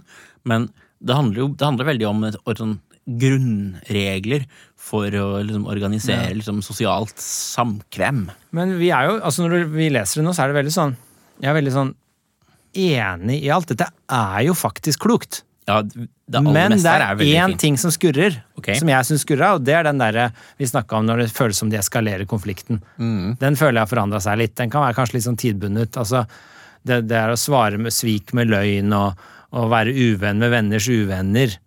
Den der klantenkningen, Mm. den føler jeg ikke er liksom Jeg vet ikke, jeg føler ikke det er liksom det den kloke gjør i dag, da. Det kan kanskje ha litt med altså, ja, hvor, hvor, hvor utrygt er det den verden du ferdes i. Det kan jo være jeg, jeg tenk- det kan jo være noen gode råd der. Altså det, å være, det å være sin uvenns Altså det å være venn med ens, ens uvenns venn. Det kan hende det kan være, kan være skummelt. Eh, Du tenker sånn, nasjonal, eller sånn internasjonal politikk Nei nå, og tenker sånn? jeg, nå, nei, nå tenker jeg ikke det. Nå tenker jeg mer bare, bare i ens vanlige liv, liksom. Ja. Eh, at det, det kan jo være et godt råd, det. Og jeg, jeg likte litt den at man ikke man skylder ikke noen å fortelle sannheten. Mm. Både det kristne og det katianske synet er veldig på at du skal ikke lyve. Mens, mens den, altså, hvis noen s- sviker deg, så kan du på en måte med rette lyve for å liksom forsvare deg selv mot dem, da. Og jeg, og jeg er ikke helt sikker på om jeg tenker at det er feil. Det kan hende at det kan være konflikteskalerende. Ja, for men dem- hvis det er skummelt nok, det stedet du lever, Ja. Eh, så kan det hende at du bare må Ja, Det var kanskje må, derfor jeg tenkte det var sånn tidfestet. Ja. også, Altså, liksom at Når du lever i et trygt samfunn, så er ikke det noe vits i, men når du lever i et veldig utrygt sted eller samfunn, så er det mer vits i. Men da, kan, da er det jo ja, og da er, kan det likevel være et slags universelt element ved det. Ja, det er sant. Fordi da er man enig i at da er det visse mål man skal nå, og avhengig av hva slags kontekst man er i, Ja. så er det ulike typer råd som gir Men mening. det er jo også litt sånn subtil forskjell med det at hvis noen sviker deg, så skal du ljuge. Står det jo direkte. Ja. Mens det kan jo være en mildere versjon er jo hvis noen sviker deg, så er du ikke forplikta til å si sannheten, men du behøver ikke å begynne å aktivt ljuge. Nei, men spørsmålet om de trekker det skillet veldig tydelig, da. Ja, jeg tror ikke du gjør det. Men... Nei, det, det tror ikke jeg heller. Fordi du kan tenke at å ljuge er bare å prøve å altså handle på måter som på en måte, som kan prøve å dekke begge med en type definisjon. Så vil det være å, å, å snakke eller handle på måter som gjør at som, gjør at du, og som fører til, og du vet det, at de ikke tror det du vet er sant. Ja. Og hvis man slår de litt sammen, så kan man tenke at å lyve, å lyve er på en måte litt sånn Mm. jeg, jeg har en mistanke om at de kanskje ikke skiller så tydelig. Har dette act og mission-skillet, man kaller det. Altså handling- og unnlatelsesskillet. Hva angår løgn. Ja. Jeg vet ikke. Ja, nei, men det er veldig Jeg syns det er bare er eh, Det er veldig interessant bare å, å lese det og diskutere sånn som vi gjør nå, fordi det reflekterer på en måte Du får liksom Dette er på en måte, som jeg ser det, altså er dette diktet og andre dikt fra den norrøne litteraturen Det er på en måte vår greske mytologiarv. Skjønner du? Absolutt. Det er jo, ver- det er jo vår mytologiarv. Og jeg har tenkt liksom på hvorfor sitter jeg og skriver Jeg skrev en bok for eksempel, hvor jeg brukte myten om Sisyfus. Mhm. Gresk mytologi. Ja. Hvorfor brukte jeg ikke norrøn mytologi, har jeg tenkt i ettertid. Ikke sant? Det Det er, er ganske mye visdom å hente her, og det er det. det er ganske mye fortsatt jeg føler er sånn genuint riktig og klok visdom å Mm. finne her. Som jeg av og til når jeg leser greske ting, tenker sånn Oi, det var litt sprøtt. Mhm. Så dette er antageligvis nærmere mine moralske intuisjoner i dag enn mye av det andre ting jeg leser. Så jeg syns det er kanskje litt sånn Det klinger veldig riktig mye av det. ja, hvorfor leser vi ikke det her mer? Hvorfor Mm. studerer vi ikke? Hvorfor dyrker vi ikke dette diktet mer, liksom? Nei, altså, jeg- Analyserer det mer? Jeg syns det er mer spennende her enn jeg på en måte hadde, hadde helt tenkt. Jeg synes det, er, det er mye, mye godt her sånn. Sånn som i skolen, jeg bebreider skolen jeg har gått på opp igjen morgen, hvorfor vi ikke har liksom dyrka det her mer? Mm. er det bare meg, eller? Jeg, man, jeg, jeg, jeg tror jeg leste det på skolen, men leste noen små utdrag. og Ja, slikt, vi da. også leste Men- det, men det var liksom, vi Det er- analyserte det, ikke ordentlig. Nei. Det, det er jo så mye man leser på skolen. Eh, Og Mm. vi har jo bare sett på litt under halvparten nå. Det er jo masse mer her. Jeg syns dette var veldig, veldig givende. Skikkelig gøy. Jeg syns Veldig vi faktisk fint. skal ta Vollus på en gang. Det kan vi gjøre. En Det kan, episode. kan vi også sam- sammenligne med greske. Eh, du har jo Empedokles og sånn, som Ja, ja, ja. jeg er veldig glad i. Som jo har noen sånne litt sånne Volutsbo-aktige tanker også om universets tilblivelse. Jeg føler en liten, eh, en liten, eh, en liten miniserie inkludert her, med et par episoder. Det kan vi gjerne gjøre. Er du med, eller? Absolutt. Kan jeg bare lese ett siste til avslutning? Gjør det. så skal vi avslutte. Dette er vers 91. Nå taler jeg åpent, for jeg vet også det. Vinglet er kar mot kvinne. Vi taler fagrest når falskest vi tenker. Sjøl sindige dåres av slikt. Kan vi avslutte med den? Ja. Takk for at du kom, Ole Martin. Vi lager en ny episode snart. Takk for at jeg fikk komme. Veldig hyggelig.